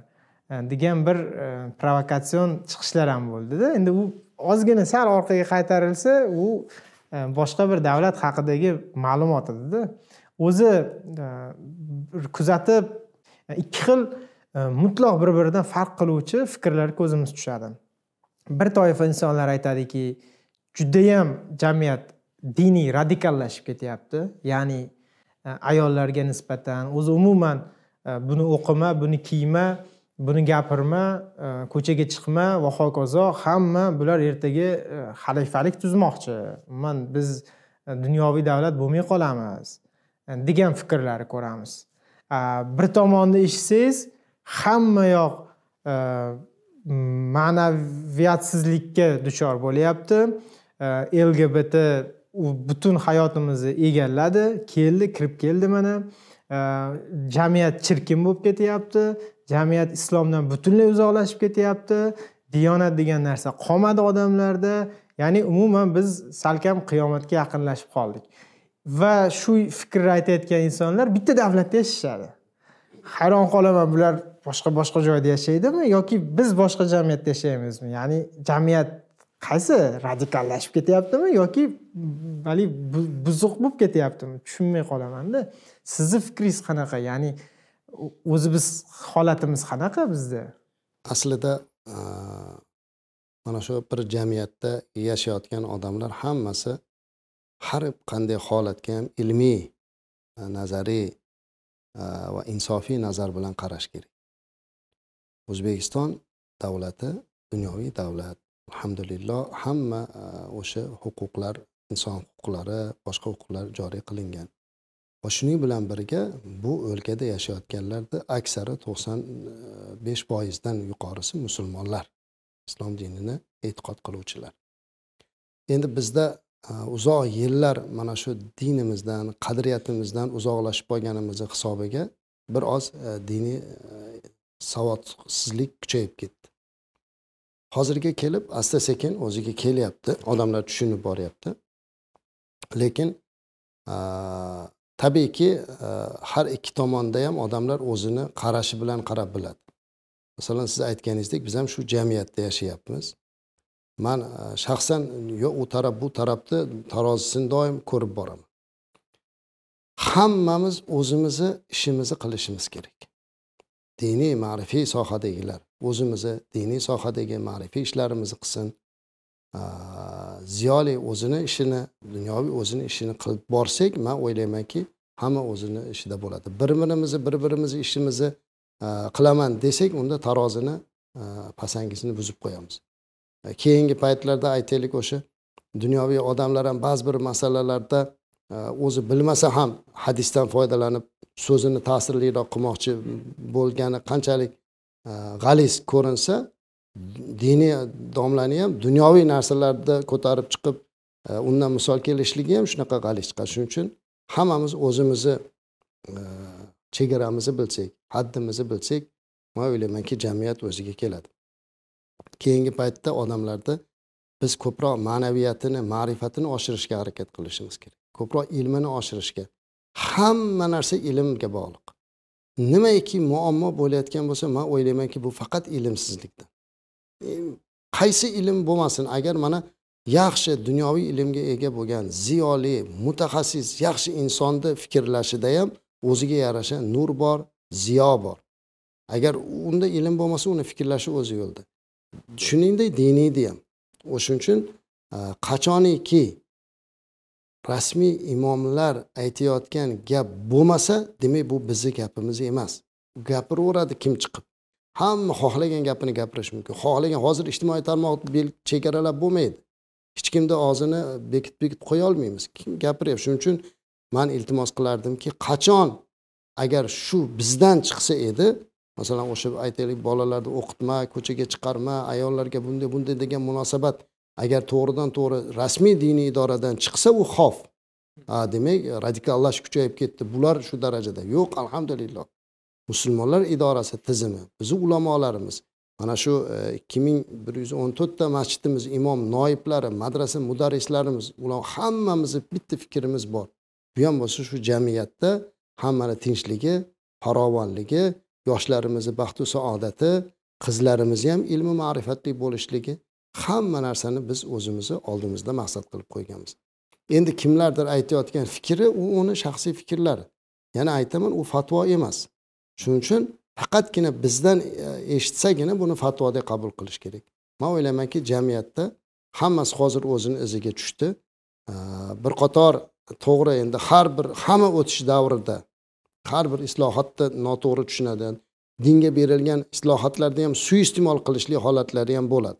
Hammada har xil fikrlar paydo bo'ladida lekin buni hammasini tartibga solishlik uchun har bir mutasaddi o'zimizni ishimizni qilsak inshaalloh man o'ylaymanki chiroyli bo'ladi. Rahmat. Tashakkur hazrat. Keyingi savolim e, masjidlar haqida edi. Biz e, mana adashmasam bugun ko'rdim masjidlar bo'yicha bir statistika e'lon qilindi. Э, va hozirda masjidlar soni ikki ming bir yuz o'n ikkita agar adashmayotgan bo'lsam xotiram pand bermayotgan bo'lsa ga yetdi degan bir e, ma'lumot e'lon qilishdi. Э, va o'zi umuman masjidlar qurilishi bilan bog'liq muhokama ham mm, juda bir qizg'in. Э, ko'pchilik ayniqsa masalan maktablar bilan ko'p solishtirishadi. Э, mana masjid qurishga ko'p ko'ramiz mana xayriyalar e'lon qilinadida. Masjid qurishga xayriya e'lon qilishadiyu lekin birortasi maktab qurishga e, xayriya e'lon qilmayaptiku. Hamma yerda masjid masjid quraylik deyishadi lekin hech kim maktabda ta'limni o'ylamay qo'ydi degan bir ta'na ham berishadi. Yoki masjidlarni dabdabali qurilishini ko'pchilik bir tanqidiy aytib chiqadi shunday dabdaba nimaga kerak shuni pulini isrof qilmasdan boshqa narsaga sarflash mumkin edi deyishadi yana ko'pchilik biz masjid demak yangi masjidlar ochish haqida murojaatlar ko'p bo'ladi bizni hududimizga mahallamizga qishlog'imizga masjid kerak ehtiyojimiz bor deyishadi umuman bu mavzu masjidlar mavzusi doirasida ham fikrlar xilma xil mana shu bo'yicha bir E, munosabatingizni va aniqroq savol beradigan bo'lsam haligi oxirgi qismidan kelib chiqib yangi masjidlar e, ochilishi qurilishi bo'yicha idorani pozitsiyasi qanday va e, aholi mana shuni xohlagan aholi kimga murojaat qilishi kerak? Tartibi qanday buni? O'zbekiston musulmonlari idorasi mana shu masjidlarda boshqaruvchi yuqori organ hisoblanadi. Tabiiyki masjidlarni obod bo'lishligini xohlovchi yagona idora bizmiz. Masjidlarni ko'payish lekin hali aytib o'tganimdek hamma narsani o'zini tartib qoidasi bor. O'zbekiston musulmonlari idorasi masjidni ochishga ruxsat beradigan tashkilot emas. Buni o'zini tartib qoidasiga muvofiq e, vijdon erkinligi to'g'risidagi qonunga muvofiq e, adliya tomonidan ro'yxatga olinadi. Ana bundan keyin biz buni o'zimizni safimizga olamiz. Ya'ni o'sha idora tashkil bo'ladi. Buni biz safimizga olamiz. Shu o'rinda biz ham aytaylik boshqa fuqarolar kabi masjidni ochilishini xohlaydigan va iltimos qiladigan tashkilotmiz aslida. Ba'zan bizdan xafa bo'lishadiki nimaga masjid ochib bermayapsizlar? Bu bitta masala. Lekin endi masalani ikkinchi tomoni bor. Umuman o'zi masjidlar ochilish masalasiga vijdon bilan qaraydigan bo'lsak qanday bo'ladi? Nimalar qilish kerak? Hozir siz aytib o'tdingiz mana bizda ikki ming bir yuz o'n to'rtta masjid bo'ldi. Yana ikkita qo'shimcha qo'shildi yana ochildi. Masjidlar umuman masjidni bobida man gapirsam bitta e, mulohazam bor. to'qson sakkizinchi yil masjidlar qayta tahrir qilinganda vijdon to'g'risida qonun yangi chiqqanda yangitdan ro'yxatga o'tgan umuman o'sha paytda masjidlar qayta ko'rib chiqilganda e, o'sha davrda qandaydir bir shu masjidlar ochilishligida menimcha bitta hay'at tuzilishi kerak edi. Va masjidlar joylashuv dislokatsiya xaritasini ishlab chiqish kerak edi. Masjidlar dislokatsiyasi ishlab chiqilmaganda kim harakat qilsa o'sha joyda masjid ochilavergan. Uni tahlili bilan aslida qayerga kerak edi boshqa edi. Agar o'sha aholini nimasini hisobiga olib masjid ochiladi? Endi o'sha vijdon to'g'risida qonunda shuncha yuzta fuqaro ariza bersa mana mana holatlar bo'lsa ochilishi kerak deyilgan shuni qilib ketilavergan. Lekin e, o'zbekiston musulmonlari idorasi o'sha din ishlari qo'mita hamma birgalashib bitta hay'at tuzilib balkim o'sha mahalda dislokatsiya ishlab chiqqanda edi. Hozir ba'zi hududlarda bir biriga judayam yaqin masjid ba'zi hududlarda judayam oralari uzoq bo'lmas edi. Endi bu o'sha davrda bo'ldi ochildi lekin o'shandan keyin deyarli masjidlarni ochilishi juda qiyin bo'lgan edi. Hozir mana e, yana aytaman insof bilan aytadigan bo'lsak diniy islohotlar boshlangandan keyin mana shu keyingi besh yilligimizda o'sha yetti yilda yetmishta yangi masjid ochildi. Bir dona ham ochilmagan edi lekin yetmishta yangi masjid ro'yxatdan o'tdi hozirgi kunda. E, shundan o'n uchtasi qoraqalpog'iston respublikasida u chekka joylarda ham ochildi. Man o'zim muftiy bo'lib boshlagan faoliyatimga bir yil bo'lyapti. Yigirma beshta masjidni ochilishligiga guvoh bo'ldim. Man o'zim e, shaxsan o'sha imzo qo'yib qabul qilib safimizga qo'shdi yigirma beshta. Ya'ni ochilish jarayonlar davom etyapti inshaalloh. Buni e, hozirgi kunda e, bir nechta arizalarimiz yig'ib berilgan. Endi bu o'rganilib chiqilyapti. Endi to'g'risini aytadigan bo'lsam agar hammani o'z holiga qo'yadigan bo'lsak bizda bitta nima borki hamma o'zini mahallasiga bittadan ochaman masjidni masofasini ham hisobga olmaydi namozxonni ham hisobga olmaydi. Qolaversa yana bitta narsa borki bu masjidlarimizni moddiy ta'minoti nima bo'lyapti? Mana bu yildan xudoga shukur alhamdulillah biz erishdik. Respublikada hamma masjid imomlarini oylik bilan ta'minlashga erisha oldik. Oylik maosh bilan ta'minlanmagan edi. Mana bu yil ta'minlandik xudoga shukur hozir hamma imom u ham endi juda katta emas. O'sha o'rta miyona qilib eplab qilindi to e, yuqori katta olayotganlari ham bor. Endi mana noiblar hammasini o'zi aslida moddiyat tomonini ham hisobga olish kerak. E, hozir bir ming mana ikki ming bir yuz o'n to'rtta masjiddan bir nechta masjidni o'zini kommunal holatini ham e, to'ldira olmaydi to'lay olmaydi. Iqtisodiy ushlab tura olmaydi. Uni bizni diniy idoramizdan homiylar orqali tushgan pullar bilan ushlab turibmiz. E, bu tomonlarni ham hisobga olishimiz kerak. Inshaalloh va bundan tashqari o'sha e, hamma hududlarni o'rganib chiqib qayerga zarurat bo'ladigan bo'lsa asta asta navbat bilan ochilyapti. Buni hozir hozirgi misolda aytadigan bo'lsam mana bir yilda yigirma beshta masjidni ochilishi bu judayam katta ulkan tarixiy voqea. Uni faqat ko'pchilik eshitmasdan masjid ochilmayapti deb o'ylayotgandi. Bugun fursat kelganda aytyapman mana man kelganimdan beri ishga faoliyatim boshlangandan beri yigirma beshta masjid ochildi. To'rt yuzta masjid tubdan buzib boshqa qurildi. To'rt yuzta. Hozir e, besh yuztaga yaqin masjidimiz kapital ta'mir qilindi boshqatdan. Yana qanchasi qurilish ketyapti? Lekin narigi masalasi umuman o'sha qurilishlar masalasi ham bugun e'tiborli. Hozir hamma tashkilotda bo'lgani kabi bizda ham tartib bo'lishi kerak qoida bo'lishi kerak. Shuning uchun o'zbekiston musulmonlari idorasida masjidlar bo'limida masjidlarning qurilish va ta'mirlashlarini nazorat qilish alohida sektorini ochdik. Alohida mutaxassis hozir e, unga o'sha e, qurilish sohasini biladigan mutaxassisni ishga olmoqchimiz. Bir o'rganib chiqilsin. Nima qilyapti? Qanday qilyapti? Aytaylik e, hamma yo'g'i yaxshi bo'lsa ham buzib turib yana boshqatdan quraman desa tabiiyki biz aytamiz yo'q bu isrof. Keyin e, ba'zan shunaqa bo'ladiki man o'zim ham buni bir nechta joyga borganda aytdimki ortiqcha darajada dabdababozlikka berilishi kerak emas. O'sha ortiqcha dabdababozlikka ketadigan mablag'ni boshqa xayriy ishlarga yo'naltirish kerak. Bitta masjidni minorasini qilishlik bilasizmi judayam katta mablag' talab qilar ekan minora juda qimmat proyekt hisoblanar ekan uni o'sha fundamentidan boshlab olib chiqquncha ancha mablag' ketar ekan bir necha millionlar haqida gap ketyapti. Shuning uchun mana ba'zi joylarda man kelsa aytyapmanki yo'q to'xtanglar birodarlar. Bitta masjidga to'rtta yoki mana shuncha minora qilishni nima keragi bor? Shu nimani hal qiladi? Shu bilan ma'naviyatimiz ortib qoladimi? To'g'ri shioril islom. Chiroyli ko'rinadi. Lekin shunga ketadigan mablag'ni yonimizda turgan mahallaga bir qaraylikchi qancha ehtiyojmand bor. Bolasini davolayotmayotganlar bor. Mana diniy idora har chorshanba o'zi har kuni qabulimiz. Mani mana o'zimni qabulim chorshanba kuni. Deyarli yigirmata odam murojaat qilayotgan bo'lsa shundan o'ntasi davolanishga moddiy yordam so'rab kelyapti. Hammasini biz qilib bera olmaymiz lekin qo'limizdan kelgancha. Man beixtiyor aytyapman o'zimcha o'ylanaman shu qancha viloyatlardan kelyapti shu yerda qarab yordam bersa bo'ladiku.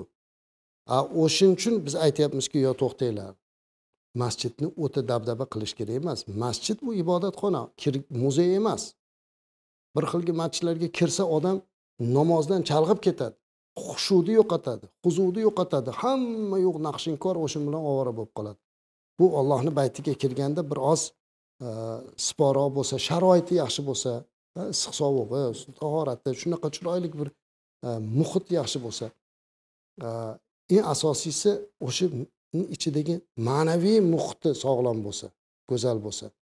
E, Prezidentimizni bir gapi bor edilar. Aytaylik shifoxonalarni katta qilib qurib qo'yishimiz mumkin maktablar lekin uni ichida nima bo'lyapti degan gapni aytardilar. Shuning uchun masjidni ham o'sha mehrobi bizga muhim.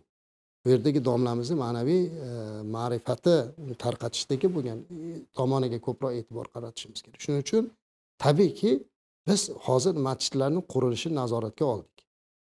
E, aytsa aytyapmiz yo'q birodar sizni masjidingiz yaxshi. Endi albatta masjidni kim quradi? Homiylar quradi. O'sha homiylarni biz to'g'ri yo'lga yo'naltirishimiz kerak. Bizga kelib murojaat qilib men masjid quraman deyotgan bo'lsa marhamat agar shu xarajatimni ollohni baytiga sarflayman desa biz boshqa qishloqlardagi masjidlarni ham ko'rsataylik. Qiyin ahvoldagi masjidlar bor. E, tahoratxonasi yaxshi bo'lmagan masjidlar bor. Sovuq bo'lib turgan ana o'shalarga qil. Yo'q ayni o'zini hududiga shu katta qilib quraman deb turib oladigan qaysarlik qiladiganlarni biz to'g'ri yo'lga solishimiz kerak. Yoki bo'lmasa borib ko'ryapmiz. Masjid hamma yog'i bino edik hech qanday o'zgartirish kerak yo'q.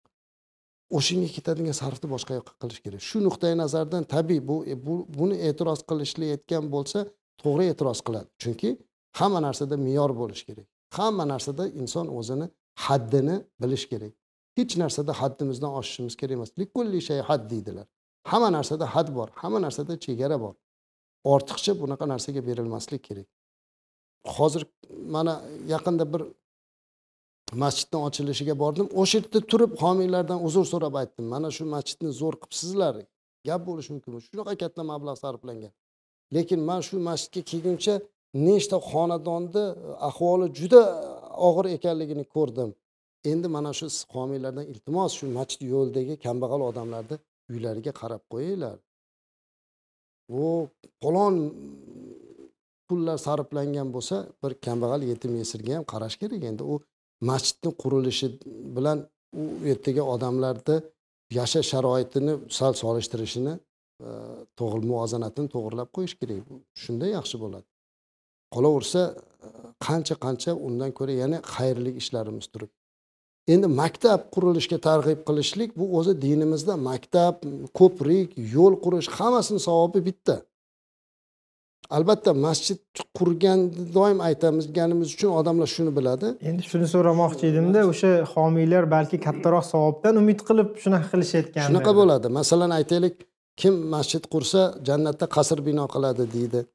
Lekin sadaqai joriya mana aytaylik imom buxoriyda sahihul buxoriyda bir hadis keltiradi.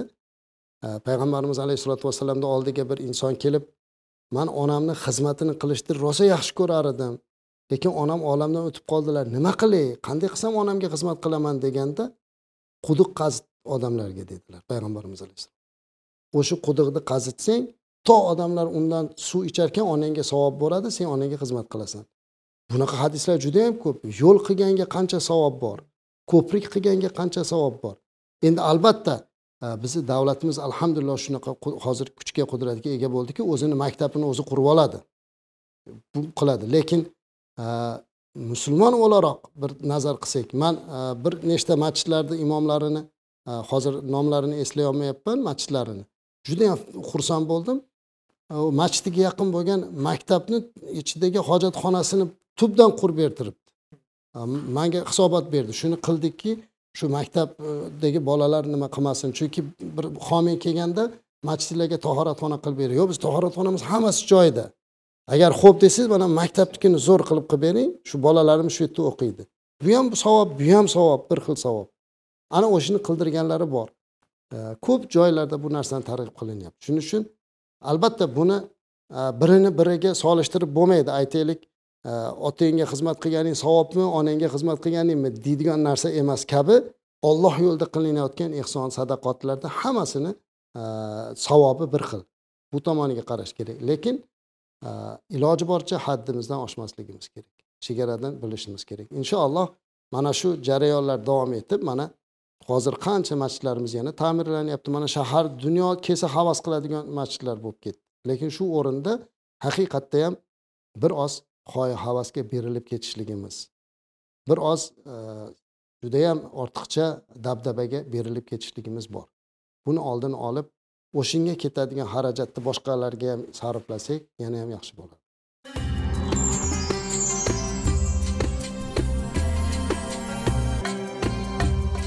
Hozir bir ma'lumotni aytdingiz. Mana e, insonlarni qabul qilganda ko'pchilik o'sha mm, ehson so'rab kelishadiki davolanishiga yoki boshqa shu kabi e, ehtiyojlariga xayriya so'rab kelishadi deyildi.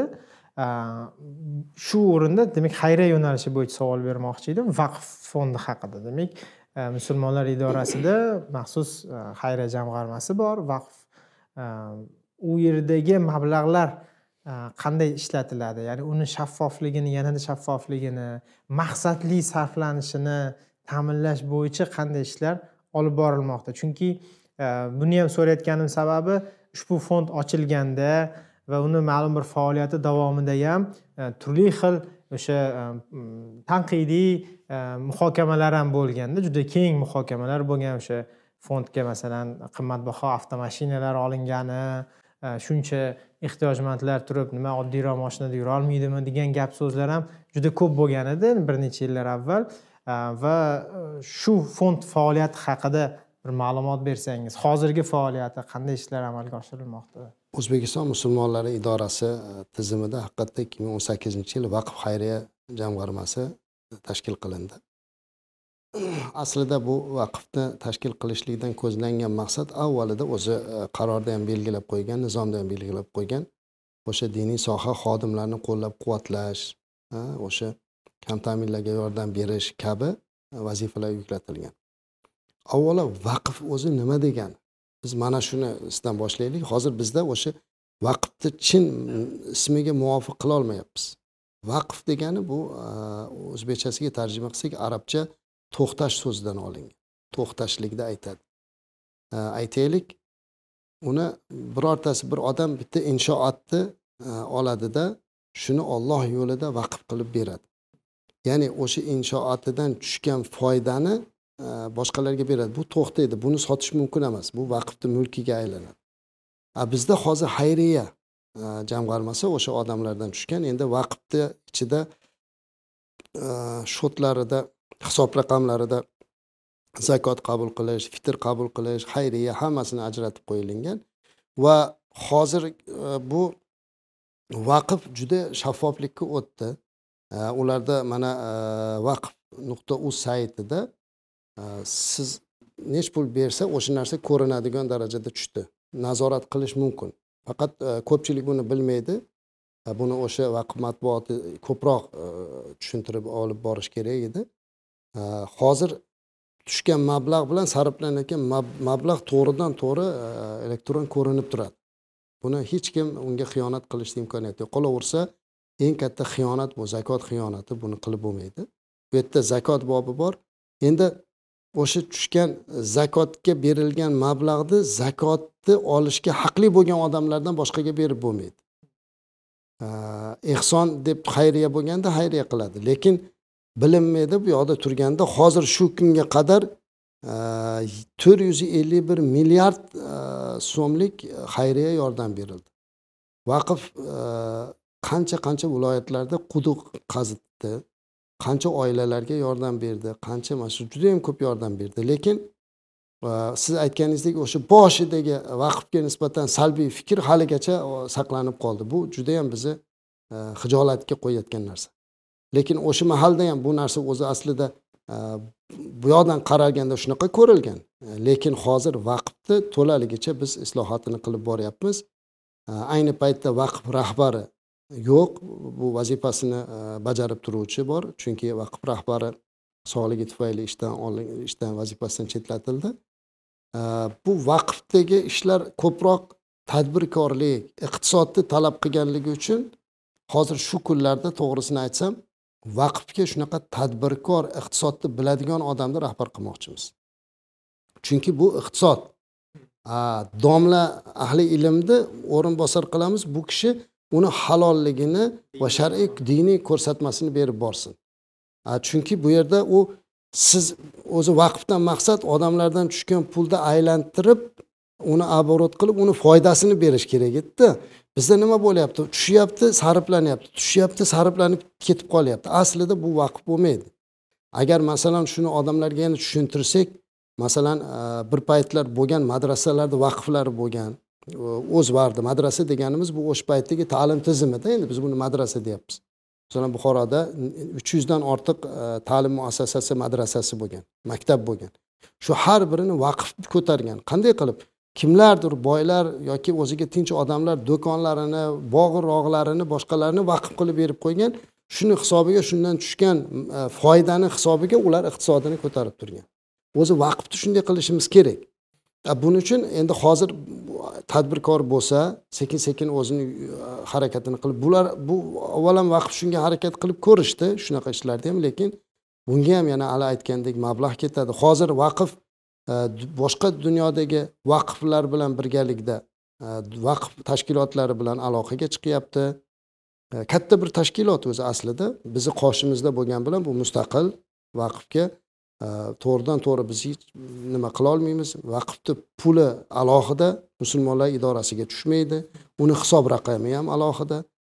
Agar bizga birortasi ariza bilan yordam so'ragan taqdirda ham biz vaqfga xat chiqarib iltimos qilamizki shunga ko'rib chiqib yordam beringlar. Ular ko'rib chiqib o'zini nizomi bor. Ko'pchilik vaqfdan xafa bo'ladiki lekin kelib o'tirsa bir kunda nechta odam murojaat qiladi? Hammani aytaylik juda katta mablag'lar so'rab keladiganlar bor. Masalan jarrohlik amaliyotini chet elda o'tkazmoqchi xorijda o'tkazmoqchi unga o'ttiz ming qirq ming dollarlar pul so'raydi. Vaqf hammaga qilolmaydi vaqf qisman qisman qo'yadi. Bir xilgilar aytadiki vaqfga murojaat qilganimizga qancha bo'ldi yordam bermayapti. Axir u yerda navbat tashkil qilingan.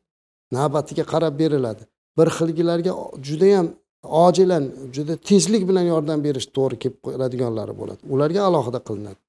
Lekin e, man o'ylaymanki biz vaqfni hozir shu darajaga eng yuqori dunyodagi boshqa vaqf jamg'armalari darajasiga olib chiqish harakatidamiz. Inshaalloh shu kunlarda hali aytganimdek yaxshi bitta mutaxassisni olsak iqtisodchini boshqani e, hozir shunga biz e, e'lon berganmiz izlayapmiz shunaqa odamni. Va albatta bu yerda yonlarida turib buni yurgizib yuborilsa man o'ylaymanki juda ko'pchilikka manfaat yetadi mhmm. rahmat kattakon. O'zim ham bilmaydigan ko'p ma'lumotlarni oldim. Va oxirgi savollarimdan biri hazrat biz bugungi suhbatimiz davomida ham juda ko'p e, internetdan ijtimoiy tarmoqlardan bir misollar aytdik bo'lgan muhokamalarni gaplashdik. Xohlaymizmi yo'qmi? Endi e, bugungi davr shu. Bugungi davrda zamon juda shiddat bilan rivojlanib ketdi va eng katta urush ham bu axborot urushi bo'lib qoldi. Hozir bir katta qurollar bilan yoki bir yadro bilan qo'rqitgandan ko'ra axborot urushi bilan juda ko'p narsani hal qilib qo'yish mumkin bo'lyapti. Va mana shunday ehm, rivojlangan tahlikali axborot zamonida e, yoshlarimizni ma'naviyati ayniqsa diniy ma'rifiy e, holati e, juda ko'p tashvishga soladida. Ya'ni ko'pchilikni faqat men emas juda ko'pchilik bu haqida gapiradi bong uradi ko'p suhbatlarni ko'ramiz ko'p ma'ruzalarni eshitamiz bu bo'yicha. Sababi e, internetda juda oson bo'lib qoldi. Ayni hali ma'lum bir bilimga ma'lum bir immunitetga ya'ni ma'naviy immunitetga e, ega bo'lmagan yoshlarni osongina yo'ldan urish mumkin bo'lib qoldi. O'sha e, hattoki yuzma yuz ham ko'rishmayaptida. Ilgariku uyma uy varaqa tarqatib chiqardi kimdir yoki bir biror joyga yig'ib bir ma'ruzalar qilishardi. Hozir minglab kilometr uzoqda bo'lgan insonlar ham shunchaki internet orqali e, da'vat qilib targ'ibot qilib ularni umuman bir boshqa yo'lga umuman boshqa bir e, islom niqobi ostidagi bir e, nima deydi mm, oqimlarga ularni og'dirishyaptida. Mana shu tahlikali zamonda biz shu xurujga shu e, bir mm, jangga tayyormizmi? Ya'ni bunga e, himoya ham kerakda. Himoyasiz o'zizga tashlab qo'ysangiz u nimalar bo'lmaydi?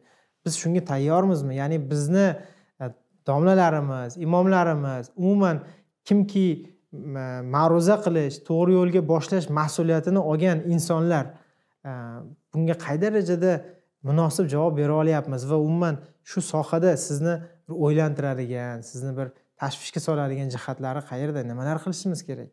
Endi haqiqatda ham hozir e, mana shu e, ijtimoiy poligon deb ataydigan bo'lsak internet ijtimoiy tarmoqlar judayam katta ham allohni ne'mati ham katta bir xavf yoshlarimizga.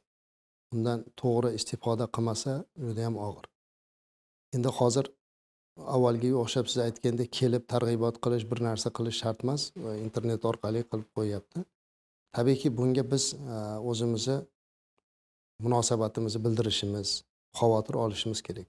Axborot xurujidan saqlash ma'naviy xurujdan saqlash bu juda katta muammo. Shuning uchun e, biz ham oldimizga bir rejalar qilib harakat qilyapmiz.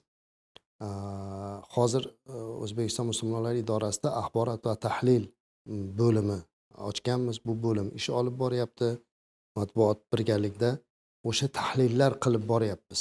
E, Bizniki nima qilyapmizu? U xorijda turganlar. Hozir shu kunga qadar e, oltmishtaga yaqin veb sayt bizda e, ochildi. Mingtaga yaqin telegram kanal va boshqa kanallar ochilgan. Ko'pchilik nazdida ko'p savol beradiki ko'pchilik ularni eshityapti sizlarda eshitmayapti o'sha xorijdagilarni eshityapti degan nimani aytadi. Э, biz ham buni ichiga chuqur kirmasdan turib shunaqa deb o'ylardik. Lekin mana bizda aniq dalillarimiz bilan turibdi. O'sha axborot tahlil bo'limi diniy ishlar bo'yicha qo'mitada ham bor bu bo'lim bizda ham bu bo'lim bor. Birgalashib e, amalga oshiriladi. Hozir bizda mana to'qqiz oyda oltmish mingta maqola veb saytlarimizga qo'yilgan bo'lsa e, narigi radikal qarashga ega bo'lganlarga to'rt mingta qo'yilgan. E, biznikilarni e, ko'rish soni ham hisobga olish kerak. O'sha e, prosmotr deb qo'yamizu o'shani oladigan bo'lsak bizni domlalarimiz ahli ilmlarimiz qo'ygan e, fatvolar yoki suhbatlarini olti yuz yigirma million marta ko'rib chiqqan mana shu to'qqiz oyda. Kichkina e, raqam emas olti yuz yigirma bir yigirma milliondan ziyod odam qayt ko'rgan. Bu demak qayta qayta ko'rgan yoki butun dunyo bo'yicha ko'rilgan. A narigi tomondikini o'n ikki millionta ko'rgan. Shuncha farq. A ular to'rt mingta material qo'ygan bo'lsa biz oltmish mingta material qo'ydik. Ularnikini o'n ikki million bo'lsa bizda demak olti yuz yigirma million. Albatta bu o'sha o'n ikki million ham ko'p katta sifr. Raqam judayam bu ham o'ylantiradi. Lekin shuni harakatdamizki, iloji boricha shu ko'proq endi endi bu ijtimoiy tarmoqlarda bloklash bilan bir narsani hal qilib bo'lmaydi. Ularga qarshi biz o'sha jaholatga qarshi ma'rifat bilan kurashishimiz kerak. Undan tashqari o'n bir mingdan ortiq raddiyalar berildi bizni tomonimizdan. Buni ham juda iliq kutib oldi. Endi xalqimizda shunaqa diniy savollar kelib qolsa nima qiladi degan e'tiboridan qo'l markaz tashkil qilganmiz. Qo'l markazda telefonlarini biz deyarli hamma masjidlarga tarqatib devorlarga ham qo'ydirdik. Э, hozirgacha bir yuz yetti ming marta savol javob bo'ldi qo'l markazida. Telefon orqali o'sha savollarga javob buni e, biz e, hozir yigirma to'rt soat joriy qilmoqchimiz mana shuni. Hatto e, quvonarli tomoni shuki xorijlardan ham telefon qilishyapti. Chunki biz ketayotgan xorijga ishga chiqib ketayotgan mehnat muhojirlarimizni ham qo'llariga tarqatdik. Kuzatayotganimizda juda ko'plab mahalla fuqaro yig'ini orqali boshqa u yerlardan ham telefonlar ko'p bo'lyapti. Shuni hozir biz harakat edamiz rus tilida javob beradigan mutaxassis u yerdagilar hammasi to'g'ridan to'g'ri javob beradigan ulamolarimiz. Shuning uchun e, bu jihatlardan biz harakat qilib boryapmiz. Albatta bu judayam og'riqli nuqta. Bunga e, man o'ylaymanki bu umuman axborot xuruji yoki e, tashqaridan bo'layotgan xurujlarga bitta musulmonlar idorasigina orqali javob bera olmaymiz. Hamma berishi kerak. Har bir e, masalan mana yoshlar bilan shug'ullanadigan tashkilotlar bo'lsin yoki boshqa bo'lsin oliy o'quv muassasalari talabalar deymiz hamma birgalashib bunga harakat qilib turilsagina man o'ylaymanki o'sha biz aytgan orzu qilgan immunitet e, shakllanib boradi. Buni bitta e, raddiyani o'zi bilan qilish qiyin. E, hammani ham dunyoviy ongini oshirish kerak ilmini oshirish kerak. Shunda biz maqsadga erishsak kerak inshaalloh.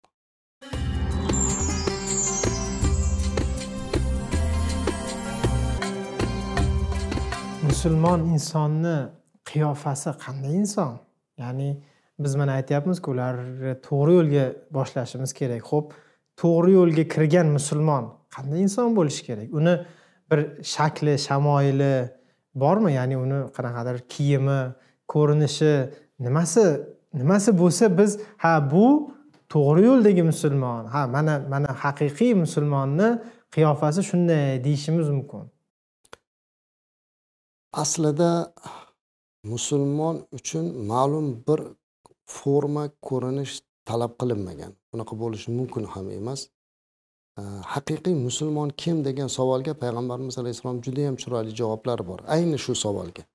Rasulimiz alayhissalom o'zlari so'radi so'ragan o'zlari savol berib o'zlari javob berganlar. Haqiqiy musulmon deb kimni bilasizlar deganda hamma har xil javob bergan. Shunda payg'ambarimiz alayhissalom ular har bir javoblariga yo'q deyarkan o'zlari aytganlar. Haqiqiy musulmon boshqa musulmonlar uni tilidan ham qo'lidan ham ozor topmasa bu haqiqiy musulmon. Musulmon fe'li bilan ko'rsatish kerak fe'li bilan. E, Innalloha la yanzuru ila suvarikum va amvalikum illa bittaqvo. Hadis bor payg'ambarimiz sallallohu alayhi vasallam aytdilar. Alloh sizlarni tashqi ko'rinishinglarga suratinglarga qarab emas balki taqvoinglarga qarab javob beradi. Shuning uchun e, aytaylik bitta narsani esimizdan chiqarmasligimiz kerak. Islom dini dinimiz shariatimiz bizni musulmon bo'lishlikni talab qiladi. Musulmon bo'l deydi arab bo'l demaydi. Biz shuni farqiga yetib olishimiz kerak. Arab bilan musulmonni farqiga yetishimiz kerak. Juda ko'pchilik arabcha libos yoki arabcha ko'rinish arabcha odatni bu musulmon odati deb o'ylayapti. Yo'q bu arab odati. Boshqa millat odatlari ham bo'lishi mumkin. Har bir millatni odati urfini tanqid qilishga haqqimiz yo'q. Hammasi o'z yurtida go'zal. Har bir libosi o'z yurti uchun go'zal. Har bir odati o'z bo'yicha go'zal. Ba'zida biz o'sha tanqidda ham chegaradan o'tib ketib qolamizda. Bu haqoratlar qilib boshqa qilib yo to'xtang birodar bu o'sha millatniki buni gapirmang. Lekin har birimizni o'zimizni urfimiz bor o'zimizni odatimiz bor. O'zimizni ota bobomizdan kelgan e, o'sha kiyinishimiz ko'rinishimiz bor. Shuning uchun biz o'sha narsani farqlashimiz kerak. Yoshlarga shuni aytishimiz kerak.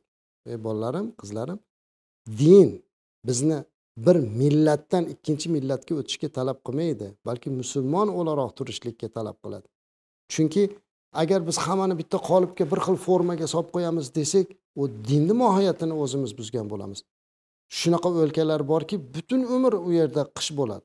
Hech ham yoz bo'lmaydi. Shunaqa o'lkalar bor butun umr yoz bo'ladi qish bo'lmaydi. Agar hamma bir xil libosda kiyinsin deydigan bo'lsak unda u jug'rafik nuqtai nazardan xato qilib ularga zulm qilgan bo'lamiz. Shuning uchun ma'lum bir forma mana shu formada bo'lishi kerak deb uh, talab qilinmagan. Ammo me'yor bor. Mana bu narsa bor. Me'yor ya'ni hayo me'yori bor. Hayo chegarasi bor iffat bor. Mana satr avrat degani o'zi shu o'zi. Satr avrat degani ya'ni iffat hayo chegarasini e, satr qilish berkitish. O'shandan oshirib yuborsa behayolik bo'ladi uyatsizlik bo'ladi. Shu narsani qilish kerak qolganini kim qanday bo'lsa shu libosida shu ko'rinishda faqatgina eng birinchisi biz e, nima desam bo'ladi. Man e, bir bitta sara mana shu toshkent shahrini deyarli hamma masjidlariga aylanib chiqib bitta mavzuni tanlab suhbat qilib chiqdim.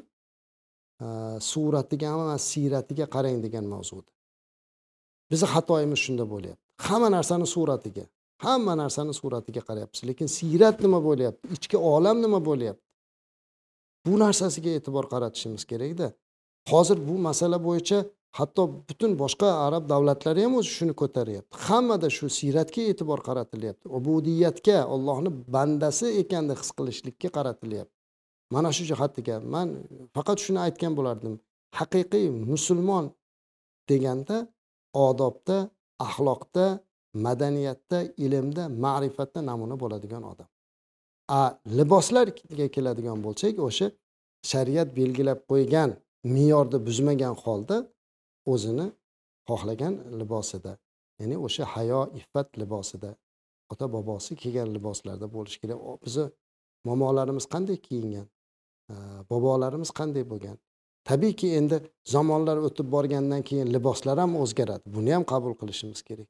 Libos o'zgarib boradi ko'rinish o'zgarib boradi urf odat o'zgarib boradi. Bu narsa iloji yo'q. Lekin o'sha me'yordan chiqmagan holda hayoni saqlagan holda uyatni saqlagan holda kiyinishligi yurish turishi gapi muomalasi mana shu madaniyatda bo'lishi mhmm. rahmat.